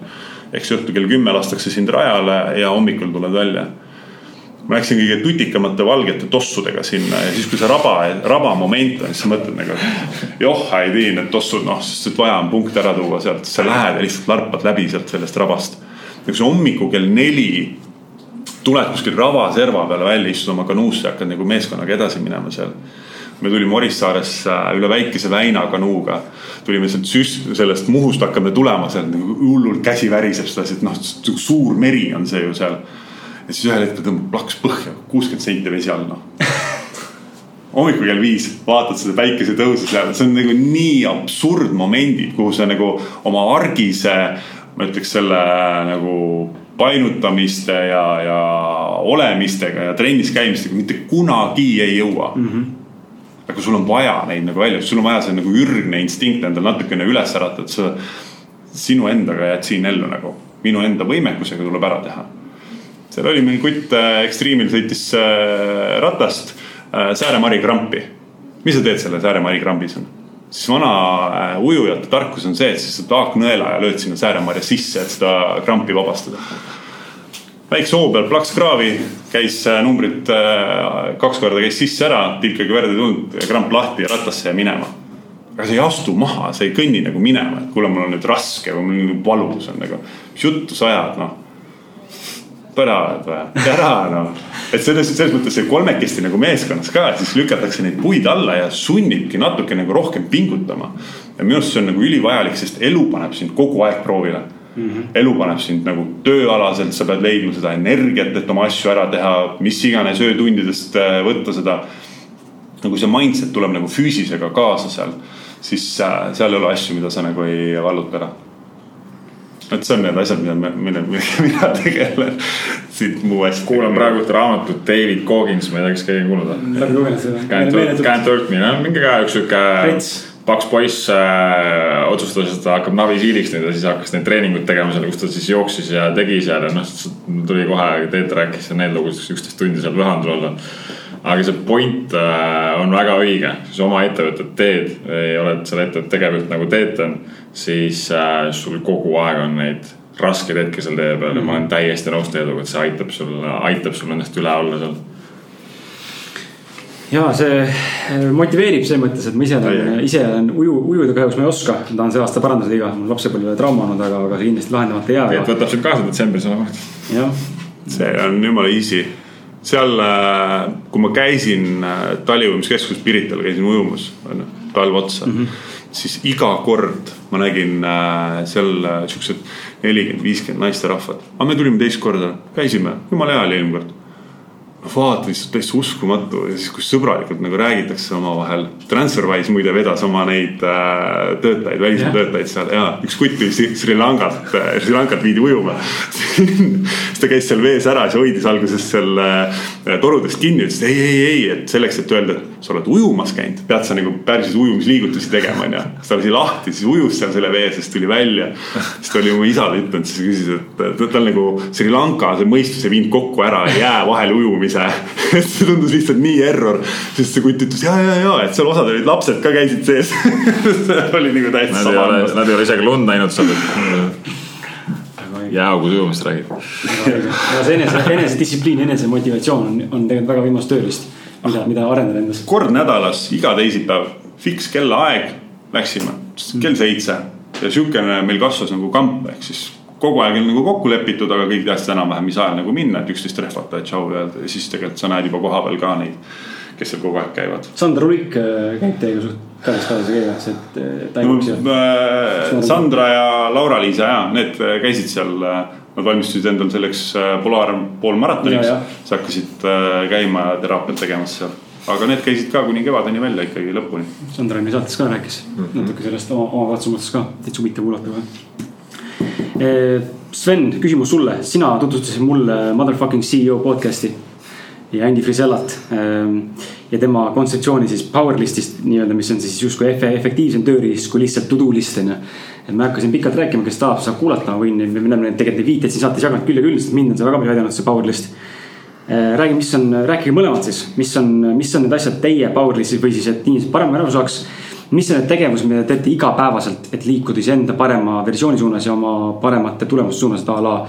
noh, mina üritan iga päev lugeda kümme lehekülge raamatut, üritan ärgata kindlal kellal hommikul ülesse. ma püüan toituda neli-viis korda päevas tervislikult ja nii edasi, mis on need sammud, mis te iga päev üritate nagu teha nagu niimoodi nagu. noh, nagu monklikult, kui üldse on siukseid asju olemas. korra sellest Powerist rääkis, ma arvan, võib-olla, kes äh, pole sellest kuulnud ennem või kuulnud esimest korda, siis mingi hetk, kui seda oma ettevõtet tegime Teeduga, siis to do list'il on hästi palju väikseid asju vaja teha kogu aeg, noh, ma ei tea, ükskõik mis asjad need seal päeva jooksul on. Ja siis lõpuks sul on need tegevused lihtsalt seal mingi kakskümmend seitse tükki. ja siis sa vaatad selle otsa ja sa ei saa mitte kunagi valmis, aga mitte kunagi, isegi kui sa täna tegid nendest seitsest asja ära, siis ikkagi sa ei saa valmis. ja see lihtsalt peab kuskil level olema mingitest tegevustest, aga see, mis su päeva fookus tegelikult on ja mis on olulised asjad, mis on selle nädala võib-olla mingid suured eesmärgid siis, mis sa pead ära tegema või mingid suured projektid on ju, et sa laseks siis sellel päeval vahele sõita seal kogu aeg, loomulikult selle jaoks on ka aega vaja. Ja siis tuli Powerlist läbi äh, Andy minu ellu, et sa võtad siis, ütlesid, et ühelgi inimesel ei ole võimalik teha kakskümmend asja päeva jooksul ära, see hästi ei ole võimalik. võtad enda kolm kuni viis asja, mida sa tahad ära teha, mis on päriselt olulised, mis natuke võiks sundida sind oma mugavustsoonist välja astuma, kas on vaja siis kellelegi helistada või kuskile, mis iganes vaja ära teha ja sealt ma sain aru, et äh, noh, ma olin endaga täiesti ummikusse jooksnud seal oma to do list'iga ja siis ma hakkasin kasutama seda viis, et viis asja iga päev. ja ma panen sinna niimoodi, et üks või kaks asja on minu harjumused siis ja kolm on siis tööalased asjad, mis ma pean siis, tahan täna ära teha kindlasti. ja enda harjumuste koha pealt see ei ole siis ka, et kui ma olen nüüd aasta aega lugenud iga päev raamatut on ju, et siis ma panen selle sinna sisse ja siis ma saan lihtsalt oma selle linnukese kirja on ju. pigem on see, et kui ma olen selle lugemise vahepeal ära kaotanud enda elust või näiteks mediteerimine või mis iganes asi. siis ma toon selle mingiks perioodiks tagasi sinna, kas kuuks ajaks näiteks mm. -hmm. ja saavutan selle ära, tõmban selle, siis võtan mingi järgmise asja on ju, kas siis toitumisega tahan midagi muuta, kas ma tahan aga. see jääb ikkagi kestvalt su ellu ikkagi jooksma. jah, see jääb jooksma ja siis võib-olla mingi periood jälle natukene kuskil kaob ära ja siis jälle tagasi tuua, et noh, kõiki harjumusi ei jõua seal kogu aeg, kogu aeg võib-olla teha, onju. või see five am oli või mingeid siukseid asju, onju. või trenni tegemine näiteks praegu, mul on nüüd viimased mingi kuus nädalat, nädalat äh, iga päev, kolm korda nädalas trennis käinud, et näiteks see onju, et siis ma kindlasti läheksin, sest kui ta mul kirjas, ma pean selle ära tegema, onju.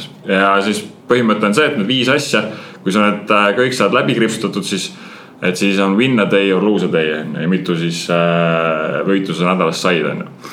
ja kolm asja on tööalased ja ma olen selle nüüd sammukese edasi viinud veel. et äh, kolm sellist äh,, mis mu nädala kolm sihukest suurt eesmärki on, mida ma tahaksin nagu teha või mis projekti kallal ma peaksin siis mingid sammud edasi jõudma. selleks, et äh,, et seal siis äh, mingit progressi oleks ja siis ma selle lõhun äh, tükkideks ja toon selle oma nädalasse siis mm, -hmm. et äh, aga üks-kaks asja oma isiklik elu, kolm asja siis on tööalased. ja praegu mul on näiteks mediteerimine, vahepeal seda olen äh, aastate jooksul siin vahepeal nagu teinud, ära kaotanud selle, tunnen, et seda on vaja. aitab mul olla parem inimene, rohkem fokusseeritum, vähem öelda muule pasale ja sodile, mis pähe tekib nagunii iga päev nende tuhandete mõtete keskele. ja panin selle endale siis, iga päev on ta mul Powerlistis ja siis lugemine ka selle kõrval või trenni tegemine, mingi sihuke asi? Mul harjumusi ma olen sihuke katsetanud ühte ja teist ja kolmandat. Powerlist äh, mul ei ole selline mm igapäevane tööriist. Äh, samamoodi test, testisin ja, ja proovisin ja tegin mingi vahe. aga kui ma võtan nagu konkreetsetest harjumustest seal, siis äh, mm, voodi tegemine on kõige olulisem minu jaoks hommikul see on tehtud, siis ma saan kuidagi päevaga nagu, see on sihuke esimene nagu väike võit, võit seal äh,. trenn äh,, mul ei ole päeva sedasi, mul on see nagu nädala peale ära jaotatud. et ma tean, kunas ma pean ujuma minema mm, -hmm. äh, kus ma pean oma trennid ära tegema seal trenni motivaator ei ole minul see päevapõhine case, mul on vaja seda suurt eesmärki, mille nimel ma treeningut teen, see motiveerib mind. et kui mul on lihtsalt sihuke, et ennast vormis hoida, siis see on minu jaoks lamp, ma ei suuda äh, Äh, püsivalt seda teha mm. -hmm mediteerimine on sihukene, et mingi vahe ma tegin, tegin teda, siis mingi vahe ei tee jälle seda. sõltub vastavalt vajadusele. Äh, raamatute lugemistega üks aasta mul oli nagu kohe nagu aastaga võtsin selle eesmärgi, lugesin ja siis oligi sihukene auk oli nagu tühi ka, et seda raamatut läkski nagu hästi palju sisse sinna ja siis neid podcast'e ja kõiki muid asju. mingil hetkel see kuidagi kauss saab täis jälle, siis, äh, siis ma tõstan selle nagu raamatu asja endale kõrvale, et mm. -hmm ei jõua seda sisse ammutada, kui ma pole suutnud neid eelnevaid raamatuid veel nagu rakendamagi hakata seal, et. et äh, ütleme, minu harjumused on täpselt nagu vastavalt vajadusele, mul on mingid nagu päevarutiinid, mis ei ole harjumused mingid lasteaed, asjad mm, -hmm. et ma, ma olen kuidagi päeva nagu ära selekteerinud. üks asi, mis on minu jaoks viimasel ajal võib-olla kõige olulisem mida ma ühel hetkel nagu avastasin, on see, et äh, õigel ajal magama minna. see on nagu küll ülioluline, et ma tunnen, äh, ma olen järgmisel hommikul olen palju ebaefektiivsem, kui ma olen ilgelt kaua üleval mm, -hmm. et nii kui ma üle kümne hakkan ronima seal, et ma olen täna selle nagu õhtuse töö tegemise nagu minimaliseerinud selleks, et ma siis jõuaks välja puhata ja tegelikult järgmine päev olla siis kohe hommikust peale Äh, aktiivne. Aga nii kui ma lükkan äh, mingitel perioodidel siukseid äh, kaheteistkümneseid, poole üheseid aegu sinna endale, siis ma tean, järgmine hommik, esimesed kaks-kolm tundi on täiesti tuksis, noh Mm -hmm. protsessid tulevad ülesse, lapsed lasteaeda, kõik tõtõtõ onju. aga peale seda on nagu sihuke käima, käima jooksmine võtab ikkagi nagu aega seal, et kohe sihukest efektiivsust ei tule ma arvan, alguses kindlasti oli seda rohkem, kus sa olid hommikust kohe arvuti taha, pah, õhtul kaheteistkümneni. mäletan, mul oli täitsa mingi poolteist aastat, kaks aastat järjest, kus ma hommikul ärkasin kuuest ülesse. tegin oma selle mingi jooksu ära, et natukene pead selgemaks saada. ja siis lasid põhimõtteliselt õhtul mingi üheteistkümneni. vaatasid kahte poolt meest pool tundi, läksid magama, järgmine päev, pah, sama. ainult monotoolselt, kogu aeg üks sama ainult teed lihtsalt aga seda saab teha lühiajaliselt. sama, sama ka, et kui mul on nagu ikkagi periood, kus on vaja nagu mingi push ida mingisuguseid viimaseid miile asjadel onju. siis äh, selle, see kokkulepe enda ajuga on nagu hästi lihtne teha, davai, nüüd on järgmised kaks nädalat on nagu korralik show onju. ja seal ei ole mingisuguseid äh, puhkehetki nagu õhtul. siis, äh, siis sa tõmbad selle ära, aga peale seda sul on vaja uuesti nagu taastumiseks et sul patareid saavad tühjaks ühel hetkel. Kui sul patareid tühjad oled, siis sa oled tegelikult ebaefektiivne. sa oled ebameeldiv äh, oma, oma perekonnale, sa ei ole töö juures nagu hea, et siis sa kuidagi oled nagu igal pool laiali ja midagi nagu tarka. siia veel äh, lisaksin ühe harjumuse, mida ma Teedu pealt õppisin äh, mõned aastad tagasi, kui ta rääkis sellest magamaminekust. ma seda, seda osa veel õpin alles. aga mis Teet mulle õpetas seda, et kui sa, kui ta tundis, ta hakkas seda smuutit vist õhtul jooma või ma ei tea, kas see oli õhtune smuuti või oli see teine smuuti sulle peale trenni siis ta ütles, et tal on uni parem ja ta on hommikul puhanud, mis ma hakkasin mõtlema, et okei okay,, sul on kogu aeg öeldud, et see kolm söögikorda, mingid pausid, asjad ja siis ma olen sihuke nagu poolalakaaluline ka natuke, et ühtegi kilo kuskilt juurde ei tule, et siis noh, alati nagu see mingi, et sa pead sööma, muidu sa nagu kaotad veel seda massi onju. ja, ja siis äh,, siis ma sõingi kogu aeg õhtuti ka, aga ma kunagi ei möönnud selle, et see võib minu und ka mõjutada, siis ma hakkasin mõtlema, hakkasin ka smuutist tegema, siis mõtlesin, et okei okay,, et kui ma nagu vahetan selle raske õhtusöögi selle vastu tundsidki, et sa magad paremini, hommikul puhanum, värskem, reipem. et täna nüüd siis mingi kuskil kaks aastat, mul on möödas sellest, kui Teet sellest mul rääkis võrreldes, ma seda katsetanud olen. ja nüüd vot viimase aasta jooksul ma tunnen eriti tugevalt seda kontrasti, kui ma olen siis õhtul hiljem siis söönud, noh muidugi sul igast asju jookseb sinna vahele, see on okei okay,, see on elu. aga kui ma õhtul tõmban seal veel mingid korralikud söögid peale, siis mu uni on kehvem, ma ärkan hommikul üles, ma ei ole puhanud, ma olen väsinum, see mõjutab omakorda päeva, see mõjutab seda, kuidas ma teiste inimestega suhtlen, kuidas ma ennast käima saan. et sul on vaja ennast äh, hoida, noh, soovituslik oleks see enda siukse tippvormis on, et noh, kas on see trenn, kas on see mediteerimine, lugemine, toitumine, et äh, alati endast suuta see parim anda siis, et sul oleks need eeldused olemas, et sellest päevast võiks siis tulla nagu hea efektiivne päev ja see Martin noogutas siin kaasa sinu selle, et sa alles õpid normaalsele magama minema, mina olen nagu Peetki, mul on kümnest niimoodi, et mul juba tahab kotti ära minna, kui läheb üle, siis ma olen pekkis, sest tunnen, et see ei sobi, et kümnest magama ja hakkan. ma tegin oma maikuus äh, five am-i ja siis ma ei osanud isegi siis kella üksteist magama minna ja siis hommikul noh, tundsid ka vahepeal, et mingid, mingid äh, olid, äh, olid raskemad, aga. aga, aga ma olen samamoodi hakanud aru saama sellest mm -hmm. rohkem. et see on, et see on vajalik osa ma arvan, see unega on samamoodi, et tuleb ennast võib-olla isegi natuke sundida mõni periood, et saaks selle uue harjumusega nagu ületada selle, mis nagu biokeemiliselt keha harjunud võib-olla tegema on. samal ajal, kui just mõlemad rääkisid tegelikult, et äh, on perioode, kus tuleb täiega agu anda ja tulebki olla valmis ohverdama ja võtma sacrifice nii-öelda.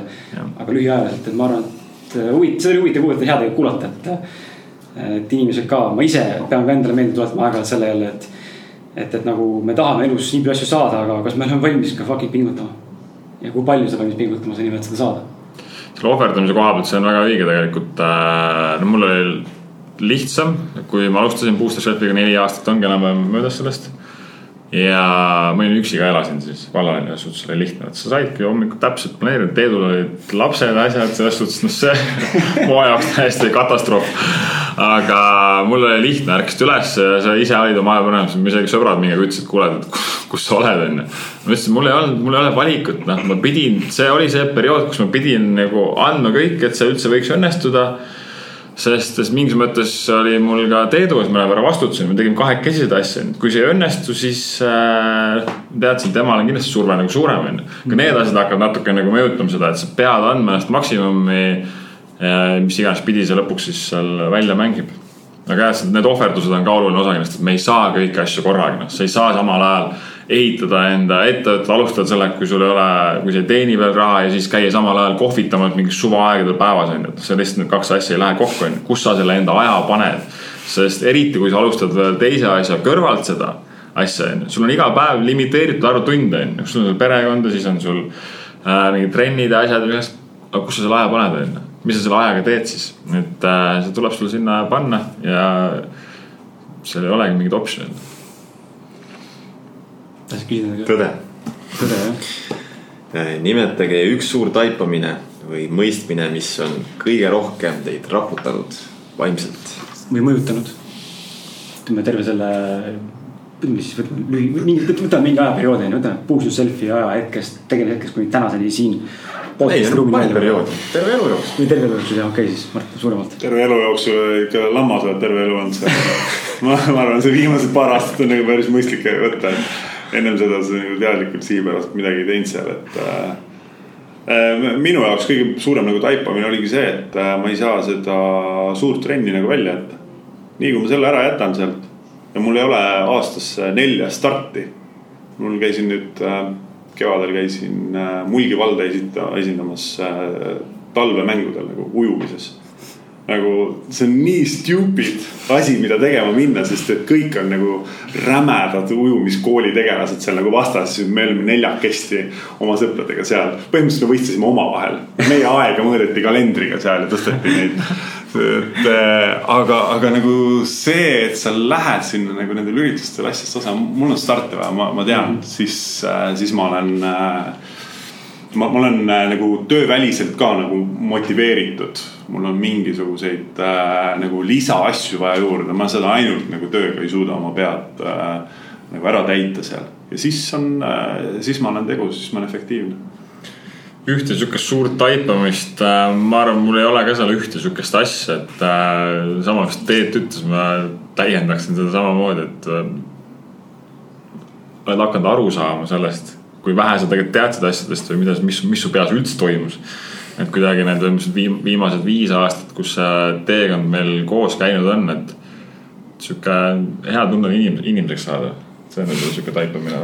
meil kümme aastat on sinu. kümme aastat, jah, viis aastat on teinud, kümme aastat oleme nagu tuttavad olnud nüüd lõpuks oled, oled inimene et äh, kui sa kahekümneselt arvad, et muidugi kõik etapid on elus vajalikud, ma ei ütle seda nagu iga etapp ongi oma asjade jaoks äh, ja see on okei okay,, need tuleb läbi käia aga, aga ja, et kus sa, kus sa nagu mõtlesid seal kahekümneselt, sa kõiki asju tead ja sul iga asja kohta oli nagu arvamus või mingist asjast, et äh, siis see on, see on muutunud väga palju tugevalt. Teet, äh, kiire vastus mulle minu isiklikule küsimusele, kuidas olla hea isa?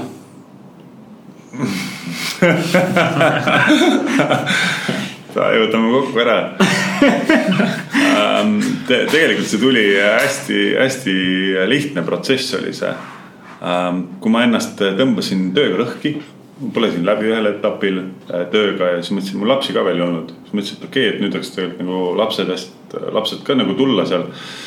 ma olin just kõikidest töödest nagu lahti ka ennast mm -hmm. äh, lasknud seal. siis ma mõtlesin, üks asi, mis ei saa kunagi tulla nagu minu ja lapse vahele on töö.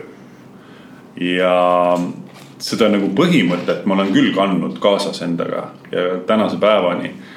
et äh, selline viiest kuni kaheksani on see lasteaeg.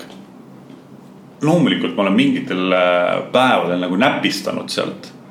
aga, aga see ei ole nagu sihukene asi, mis, äh, mis, mis nüüd regulaarselt oleks, see on mingi selge erand, mingi selgel põhjusel aga see viiest kaheksani, see kolm tundi, kus, kus nemad on tulnud siis koolist, lasteaiast, asjadest, siis on seal mänguaeg. siis ma istun põlvili maas, jooksen ringi, ajan taga seal, käime ujumas äh,. Lähme parki pingsi mängima, plika on nüüd nii suur, et see mängib minuga pingsi juba normaalselt seal, et äh, siis me teeme, teeme nagu äh, nendega neid asju. vot see mulle nagu meeldib ja käin ja kiusan neid seal äh, taga, et äh, seda, seda naeru, seda laginat nagu kuulda mm. seal. sest vahepeal on vaata, sa oled nagu väsinud ka, siis tahaks nagu kedagi kiusata või seda, siis mõtled oma lapsed ette kohe esimene asi patsaanidele selga seal. see on nagu, see on äge, et see minu arust on oluline.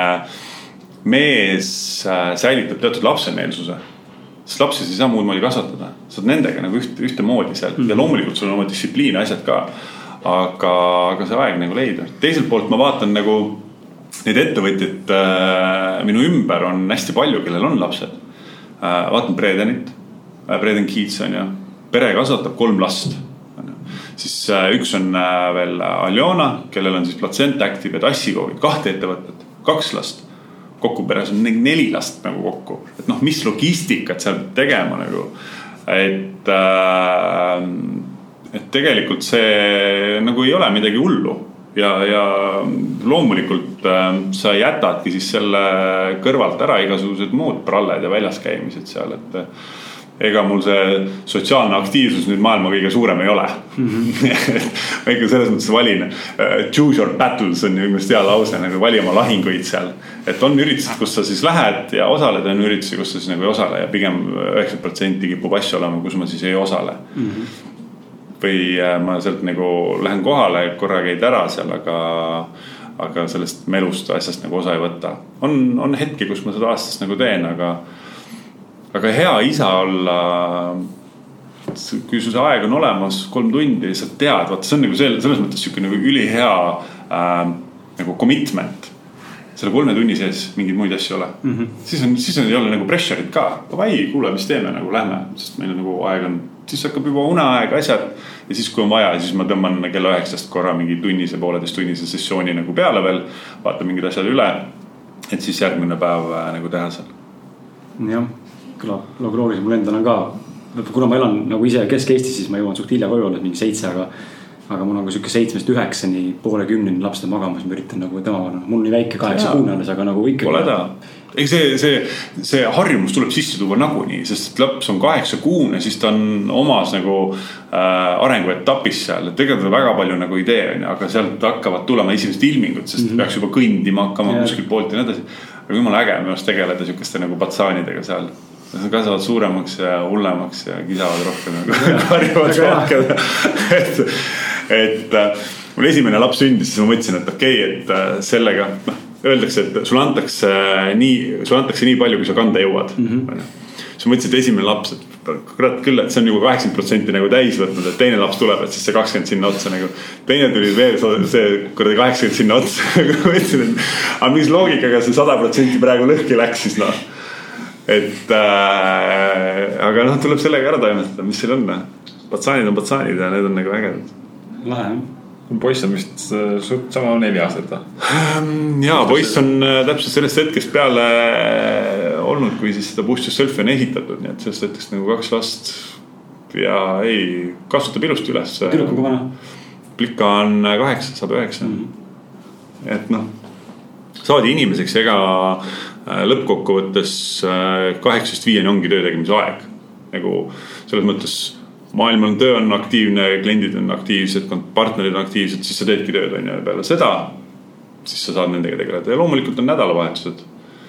kui palju sa seal ise laed, kui palju siis nemad laevad seal mm ja siis leiad ka seda, et ei pea kogu aeg nagu nokkapidi ka koos olema, minu arust see on ka nagu liiga palju tahet, et kui kogu aeg peaks ainult käima ja plutitama nagu, et kuradi, me jooks ise ka ringi seal väljas noh.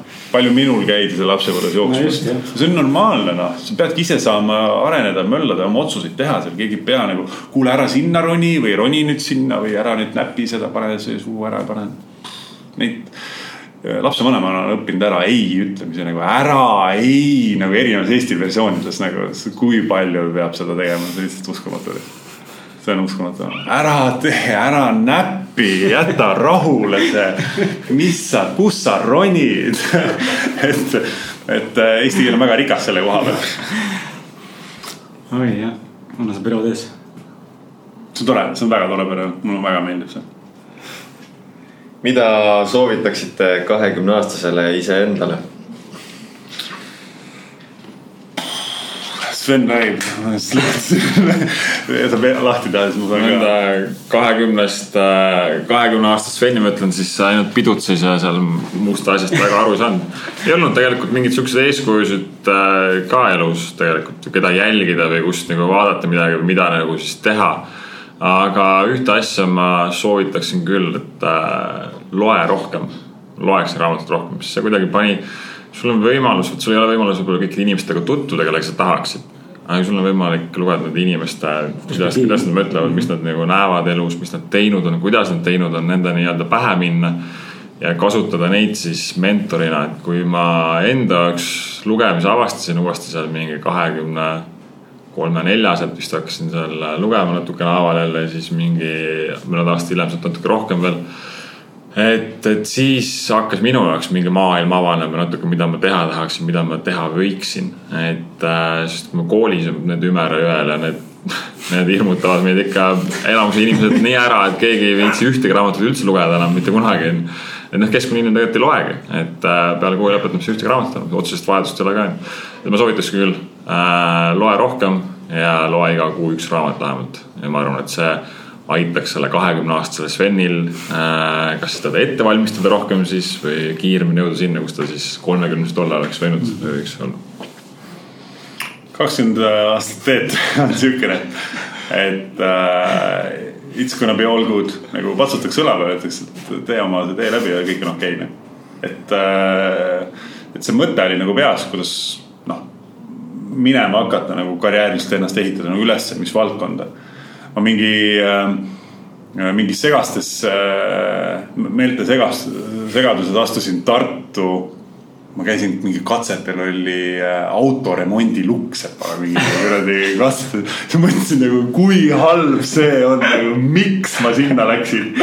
aga see oli lihtsalt, ma ei, ma ei tea, see oli üks kõige, kõige, kõige lambimaid asju, mida ma nagu elus teinud ma tahtsin ka mehaanikakooli minna. ebareaalne nagu, siis mõtlesin, et aga mul, ma ei oska ju selle autoga midagi teha ja mind nagu ei huvita see nagu kuskilt otsast seal. ja siis ma tulin otsapidi Tallinnasse. aga, aga ma ütleks küll, et noh, selles mõttes sul on nagu siht silme ees olemas, mis sa nagu saada tahad. tee oma need õpitoad nagu ära seal ja, ja see loob sulle vundamendi sulle ülejäänud asjadeks seal, et äh, ole nagu endas kindel ja. usalda ennast. ja usa, usalda ennast, sest sul mõte on nagu peas olemas seal. mis puudutab seda lugemist, siis keegi teist Anna Kareninat on lugenud või? keda? Anna Kareninat olete lugenud või mm -hmm.? mulle, ma tegin kodus mingi patsaani, siis ma sain trahviks, sain Anna Kareninat lugeda, Anna Kareninal kaks osa on. ja siis äh, ma pidin mõlemad läbi lugema, siuksed räme, siuksed õssilaadsed raamatud nagu. ja siis äh, ma veensin oma venda et sina loe teine osa läbi ja räägi mulle ja mina loen esimese läbi. et siis ma, siis ma saan need raamatud nagu ära vastata seal. vend luges teise läbi, mul esimene siiamaani lugemata nii hea lihtne et, et äh, et seda, kuidas nagu teisi inimesi endaga nagu kaasa panna ja rakendada ja teha seal ja koolis ei pea kõiki asju ära õppima viida, see on okei okay., see on nagu okei okay siis äh, et kuna need oskused olid nagu olemas seal, siis sellega, sellega jääb ellu küll nagu elu jooksul. ise ei loe, las teisel lugeda ja oma asjadest nagu läbi seal edasi. saad ikka, saad ikka teada ja, aga loomulikult ma olen ka kindlasti olen selle raamatu lugemise enda jaoks avastanud seal kolmekümne mm -hmm. lõpus, et äh, ma olen sihuke viimased neli-viis aastat on äh, hästi tugevalt olnud ühel või teisel kujul mingid raamatud nagu elust läbi jooksnud või nagu mõjutanud. ka hakanud oluliselt rohkem ostma nagu füüsiliselt neid raamatuid mm. -hmm. Ega Sven kuskil ja. Äh, Eestist väljas ära käib ma ei tea, näiteks Hiiumaal on ju, et siis äh, toob ka sealt teinekord mõne raamatu kaasa siukse äh, reisi, reisikingina nagu, et jumala nagu äge. lausa koguma raamatuid iseenda jaoks, aga see lugeja kas, kas ma nüüd kahekümneselt loeksin ka ja kas ma kuulaksin täna seda kolmekümne viie aastast Sveni, sest äh, sa ju arvasid, sa tead kõike, siis ma võib-olla sooviks ka, soovitaks ka julgem olla ma mäletan ühte, ma ei mäleta, kas, kas Tim Ferris podcast'is keegi käis tal külas, siis ta küsis sama küsimuse, et äh, mida soovitaksid enda äh, kahekümne aastase mina. ja siis see üks kutt ütles, et äh, ma ütleksin oma kahekümne aastasele minale, et naised tahavad ka keppi saada.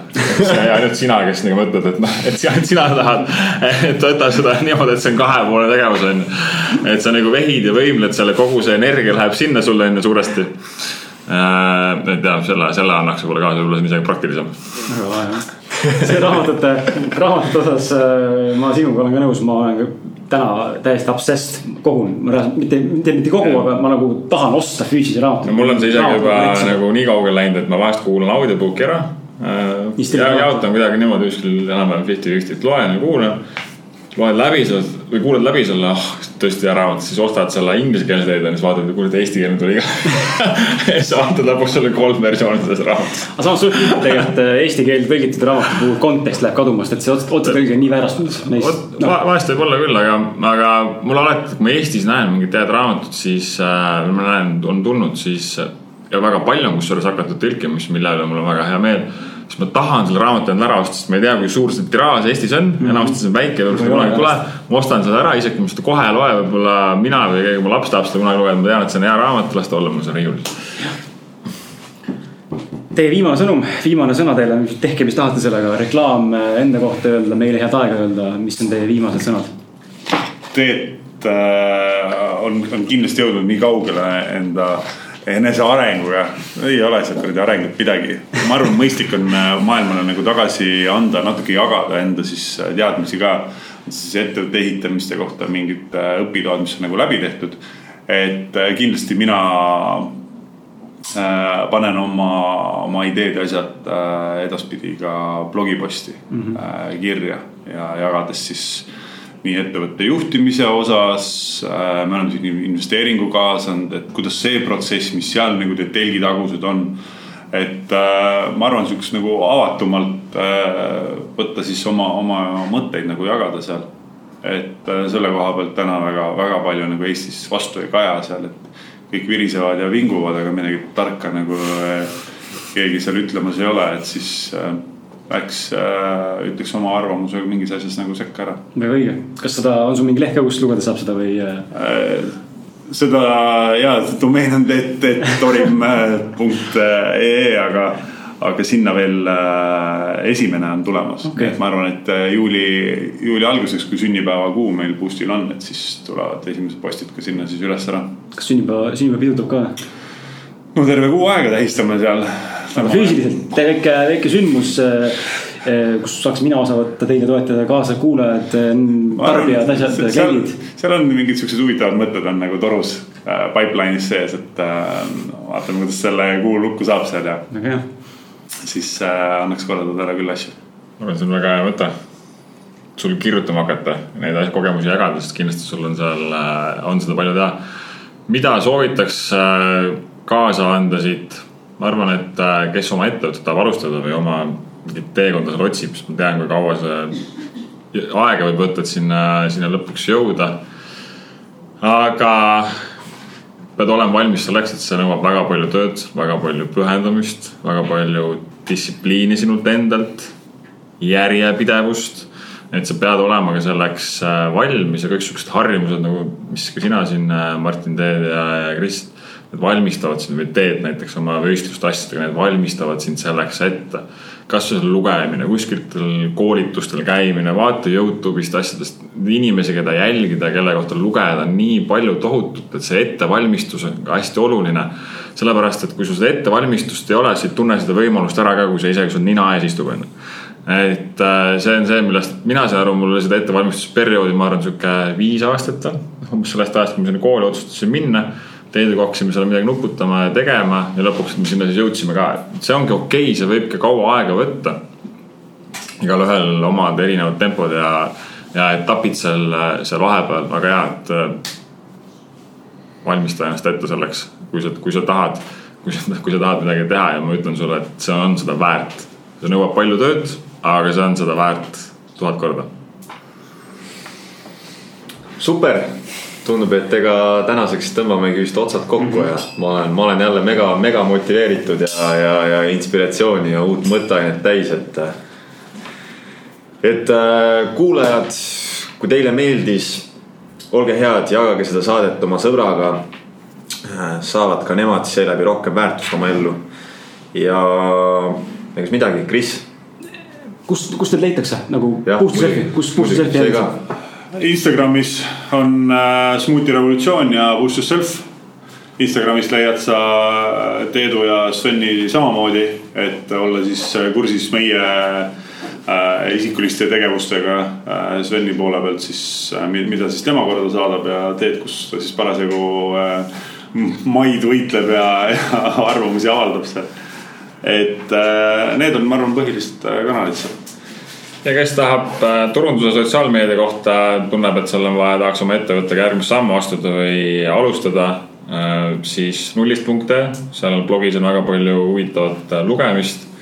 täiesti tasuta saadaval seal, et mine otsi üles ja kui teil tuleb, kui peakski tulema teile see üritus, Boost Yourselfi sünnipäeva tähistamine, siis hoidke neid meeles. me aitame hea meelega teid. kirjutame. mina tänan ka omalt poolt ja, ja kohtume järgmisel reedel, kui mitte varem Ciao. Dai. Ciao. Ciao.